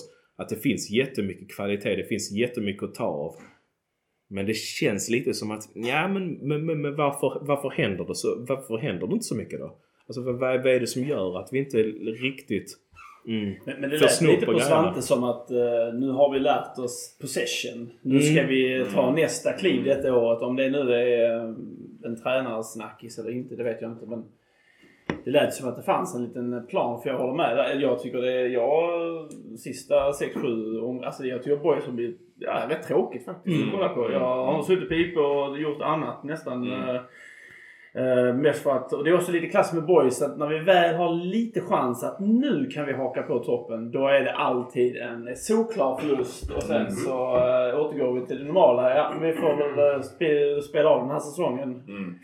Jag vet inte varför det blir så men ehm, det är lätt att spekulera i det. Ingen aning själv. Som. Tabellen ljuger inte heller liksom. Alltså, Nej, vi har inte bättre material, nivån vi är på. Liksom. Vad var frågan Jens förresten? Vad, är det vi pratar om? Årets snackis. Årets snackis. Ja, men för, för samtidigt så är det väl, alltså jag tänker det där med, och det är väl alltid, eller jag, jag faller alltid tillbaka till det ändå någonstans då med att Ja, fan man har ju någonstans, nu kan man inte riktigt säga så kanske för men nu har man ändå lagt pengar på rekryteringar och så men men jag tänker Max som tränare skulle lika gär- gärna kunna säga att trots att vi säljer våra bästa spelare så det här spelet, på sätt som vi spelar på får oss ändå att hamna nästan lika bra som vi gjorde året innan. Det vill säga, okej men ja, vi plockar våra bästa spelare då eller vad det nu än, är liksom. Det här sättet vi spelar på kommer ändå få oss slut ungefär här. Och då ligger, du, då ligger egentligen ansvaret ett steg högre. Okej, ge dem, bättre, ge, ge dem ännu bättre spelare för att kunna utföra det här spelet på ett så bra sätt som möjligt. Men, Ja men jag tänker att det är liksom ett, ett omöjligt pussel att lägga. Liksom. Ja. Jag tänker liksom att vi kan aldrig köpa bättre spelare än vad vi själva liksom, eh, exporterar. Det, det, så känner jag i alla Nej, fall. det kan vi inte. Jag, Nej, jag tror inte det. som- som Nej men det går inte. Nej, nej, det, men det finns man, behöver, inte, man behöver ha koll på. Okej, så vi, vi, vi, gör, vi gör oss av med Camille Valla. Vi kommer aldrig finnas med lika bra som Nej. Hur får vi in spelare på andra positioner som är bättre än de vi redan har? Som kan, där kan vi öka istället. Ja, ja liksom. precis och det handlar ju om... Absolut och där har de väldigt bra poäng liksom att ja nej vi kanske inte kommer kunna hitta en exakt Camille Barra men vi kanske kan om det nu skulle inbringa si och så många hundratusen eller si och så många hundra mil, eller inte hundra miljoner. Men si och så många kronor, äh, inte hundra miljoner, fel av mig. Si och så många kronor på kontot då. Att det skulle då kunna generera ehm, en ny, vad säger vi, vänsterfotad inomhuträttare kan vi säga exempelvis.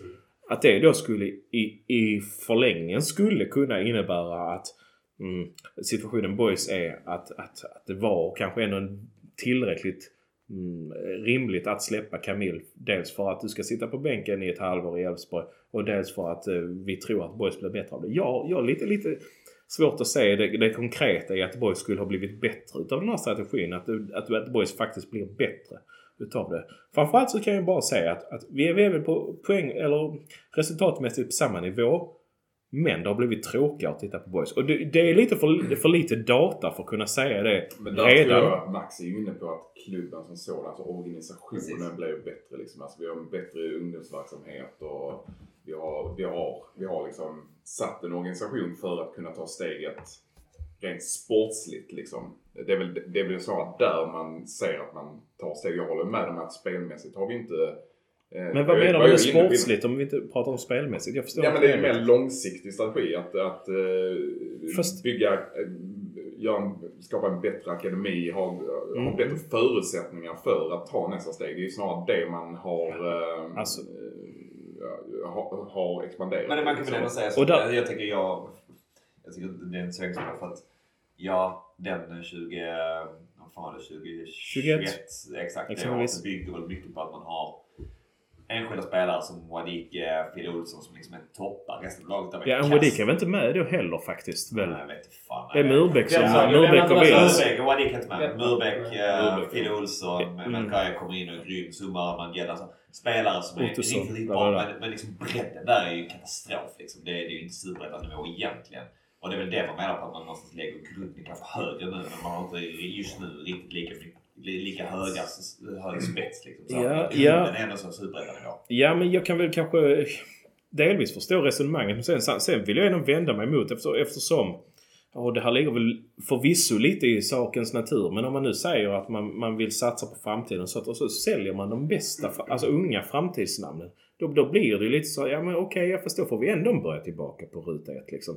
Skulle det vara så att man lyckades behålla de här talangfulla unga spelarna, om vi säger Melker Heier, om vi säger Camille Jabara, om vi säger Melker Widell. Alltså det är unga killar vi säljer allihopa. Och det jag fattar att det liksom är lite utav um, sakens kärna för att näst, nästkommande klubb vill ju också Precis. profitera på deras ålder. Ja. Så är det ju. Alltså de, de hade inte värvat de här spelarna om de var 29. Så är det ju. Ehm, så att det, det är liksom... Nej, men, men, men det är ju väl just det att vi är inte tillbaka. Alltså jag, jag, jag hänger med dig i resonemanget, men vi är inte tillbaka på ruta ett. Man menar på att man tar steg i klubben liksom. Ja, och jag har Sen det jättesvårt att se dem. att man inte gör det kanske, men, men, men, men i klubben som så. Alltså vi, ungdomsverksamheten är mycket bättre än vad den var för fem år sedan. Liksom. Alltså, Mm, det- det ja, ja, jag liksom- hoppas ni har rätt men Ja, jag har men jättesvårt precis. att se det på planen. Alltså, så, så, så länge det inte opera- operationaliseras Alltså på Landskrona IPs A-plan och på Superettans tab alltså tabell, poängproduktionen längst till höger. Så länge det inte ger någon form av avkastning så kan jag inte säga att den här eh, strategin man väljer är, är fruktbar eller Nej, det måste ju alltså, visa sig. liksom. Det måste ju Det visa måste sig visa sig. säsong. Det måste ju visa sig. Nu måste det ju visa sig i form av ett avancemang. Vi, vi kan inte vänta hur länge som helst. Och klubb, jag tycker ändå att klubben har varit ganska så här, framåtlutade i, i sin målsättning. Att men, nu är nästa steg att vi ska gå upp. Och, och då måste man ju leva upp till det också. Ja, men jag kan ju köpa att vi... Säg att vi skulle få en kvalmatch till Allsvenskan nästa år. Fine. Ja. Men, men Ja, man ja. måste ändå vässa positionen. Ja, vi kan ju exakt. liksom... Det det vi Vi måste kan inte bara knapra på det här guldbenet och sen tro att det bara växer ut Nej, exakt. Så det, det måste ju bli bättre allt i form av ja, men ungdomsverksamhet och så vidare. Och sen så måste ju dessutom de unga spelarna vi tar in måste ju vara ännu bättre än Melker Heier och Camille Jebara och Melker Widell. Mm. För, Eller? de, för de räckte ju inte till avancemangen då liksom. Nej, nej, vi släppte ju dem. Men, nej, men någonstans så bör ju bör, bör ju liksom bära frukt då också. I form av om att vi flyttar fram positionerna ännu mer i form av bättre spelare. Och jag tror ju att... Ja, nej, det är svårt. Krysset. Det är det. Två, två. Ja, det är lite... eh, Folk eh, har mobil... eh, Ja, förlåt. ja. Ja, det Nej, ska vi gå vidare? ja, vi går vidare. Vi går vidare på det. Vi. Mm. Årets spelare. Nu går vi varvet runt. Vi börjar hos uh, Gurra. Oj, årets spelare. Ja. Där finns ju flera. Men, okej jag ska försöka inte dra ut på det. Jag säger Robin Savic. Och egentligen av den enkla anledningen att han har varit lite den fula ankungen i boys. Och har blivit, av mig och av många andra, väldigt kritiserad. Han kom till klubben med jävligt hög målsättning och hög svansföring. Han har tagit liksom ett kliv ner i banan. Eh, stått upp när, många gånger när det har blåst snålt och verkligen visat vägen med, sin, med sina fysiska och, och mentala egenskaper. Eh, och dessutom då blivit en poängspelare trots att han har spelat lite mer off position än tanken var när han kom. Så jag säger Robin Savic. Tycker fan, han förtjänar eh, beröm. Och är en viktig, viktig del i vårt lag. Jag hade hamnade på mig då. Uh, ja, det står lite, alltså Kadura är så, kommer undan lite på ett sätt. Men jag skulle gärna säga någon som, och, som, och det här som har uh, lite fågel Fenix. Uh, Jesper Strid säger någon. Uh, att komma från... Vi har varit kritiska. Jag har kanske varit kritisk även om jag uppskattar hans fika hemma hos Jesper. Så... Um, Ja, fy fan vad häftigt att han kunde resa sig och skapa så pass mycket poäng som han gjorde efter att ha varit nästan uträknad som fotbollsspelare på den här nivån. Det måste jag säga var jäkligt häftigt. Sen är det ju kanske inte det som var kategorin. Årets spelare är han kanske inte, men årets personliga uppryckning måste jag någon... Uh, eh, ja, jag titulerar Jesper Strid för min röst i alla fall. Ja, och du var lite inne på, på, på Kadura där innan. Jag, jag, jag vill ju på ett sätt eh, lyfta Kadura för jag tycker han har varit mer eller mindre lika jämn som han var förra säsongen. Alltså då när vi utsåg honom till Årets boysare. Men, och jag tycker egentligen har inte gjort något av, avsteg från den utvecklingen. Utan jag tycker Kadura i sig har varit lika bra som jag hoppades eh, inför den här säsongen. Däremot vill jag nog säga att jag tycker att Melker Videll har gett mig en sån här eh, vad ska man säga, revival eller förhopp alltså drömmande när jag går ut på IP. Eh, som han gjorde de första halvåret innan han blev såld till Danmark. Liksom att när jag går ut på IP och jag kan se när Melker Widell spelar fotboll att, att jag ser någonting som jag inte har sett på många, många år. Liksom att det här är någonting någonting lite extra, någonting som erbjuder en, eh, en förhoppning, eh, en, någonting som tillåter en att drömma. Och det, det finns väl många meka, mekanismer i det som är inbyggt. Och det är väl dels att han är från Landskrona och det är dels att han spelar som han spelar fotboll när han spelar med en kompromisslöshet med, med en teknisk flärd, en påhittighet, att hans ungdomliga entusiasm så för mig så är det, trots att han bara gör en halv säsong i Boys, vilket i sig är ju eh, lite sorgligt och lite, lite glädjande att, att han överhuvudtaget gör det. Jag, jag vet inte men jag, jag uppskattar Melkers eh, insats som bara den och jag hoppas att Melker Widell någon gång i framtiden kommer spelar för Boys igen så han får, uh, han får årets boysare från mig. Kan, kan lägga till också alltså vilken, vilken personlighet mm. helt enkelt. Mm. Bara för att, nu nämnde du kanske inte det men uh, fan vad trevlig han var mm. när han, vi intervjuade honom och fan han var riktig ambassadör för klubben. Så var ett mm. bra, bra val Fille. Jag säger Samuel Kotto. Han eh, tyckte han gick in och eh, vände, vände säsongen och eh, säkrade kontraktet. Hade vi varit eh, ett division lag utan att han hade dykt upp? Det, min övertygelse är att vi hade varit det. Det tror jag också, men det är ju också för att alltså, Fille försvann liksom. Alltså, äh. så. Men, men, men liksom jätteviktigt på det sättet. Liksom. Alltså jag bara blev så här, fan alla lägger in liksom bra, bra, bra val för att spela bra liksom, motivering. Alltså jag var själv inne ganska mycket på Jesper Strid. Jag tycker verkligen inte han har varit liksom, årets pojsar på ett sätt. Men, men mycket av det som liksom, Anders sa, liksom, eh, hur han liksom, eh, framförallt eh, liksom här höst, början på hösten liksom, och så här hur han Ja men som du säger, liksom bara, bara lyfte liksom Fågel Fenix. det, det, var, det var skitkul att se.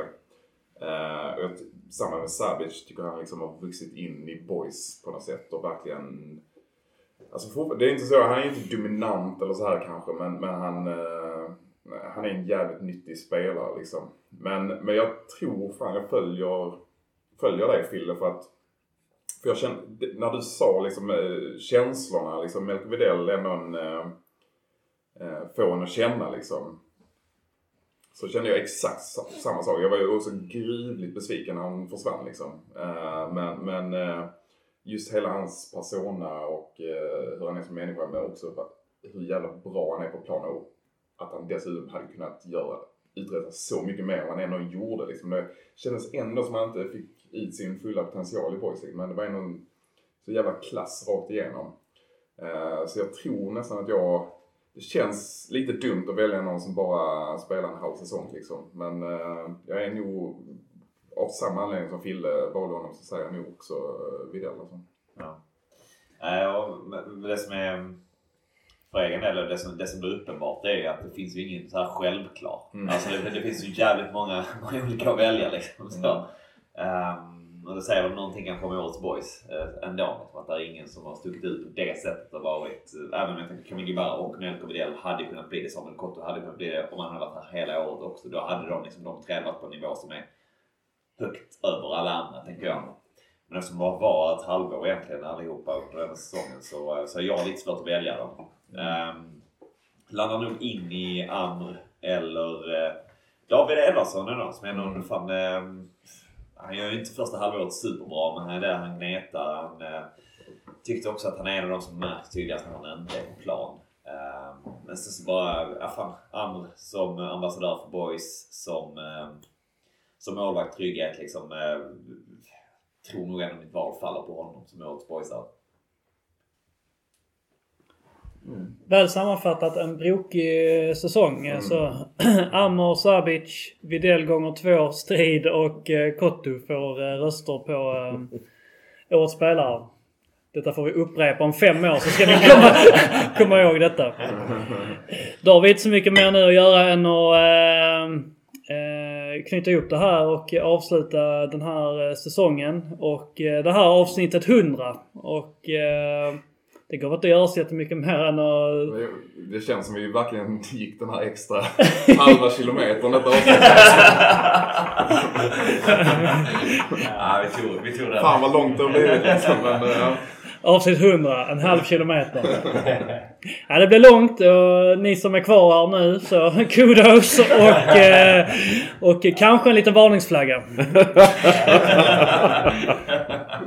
Men eh, som, eh, som en eh, liten så, eh, ett, ett hundraavsnitt så behöver jag ändå känna lite grann att jag behöver passa på att tacka, tacka de forna. Så ett litet tack får gå ut till Rickard och till eh, Wikström som också eh, var med här en gång i tiden. Och eh, faktiskt ett litet till Hultman också som är lite så här i eh, förbisedd.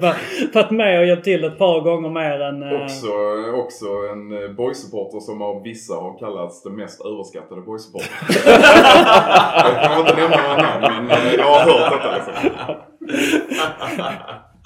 och med de orden så...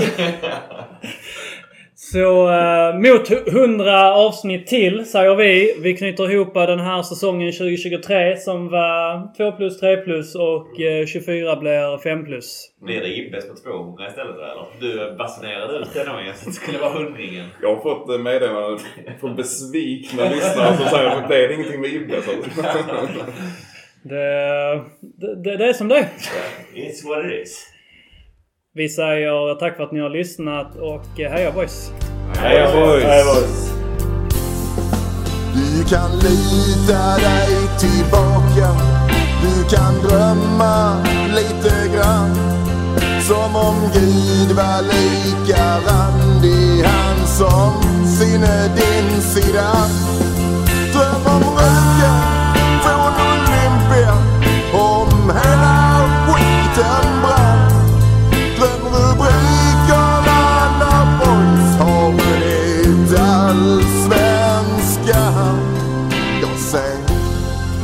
sambalek, varm och het. Jag ser grym överlägsenhet. Ja, du ser väl det själv. Vilket underbart lag.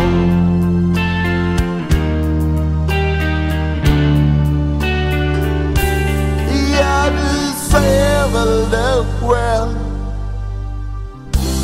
Vilket underbart lag.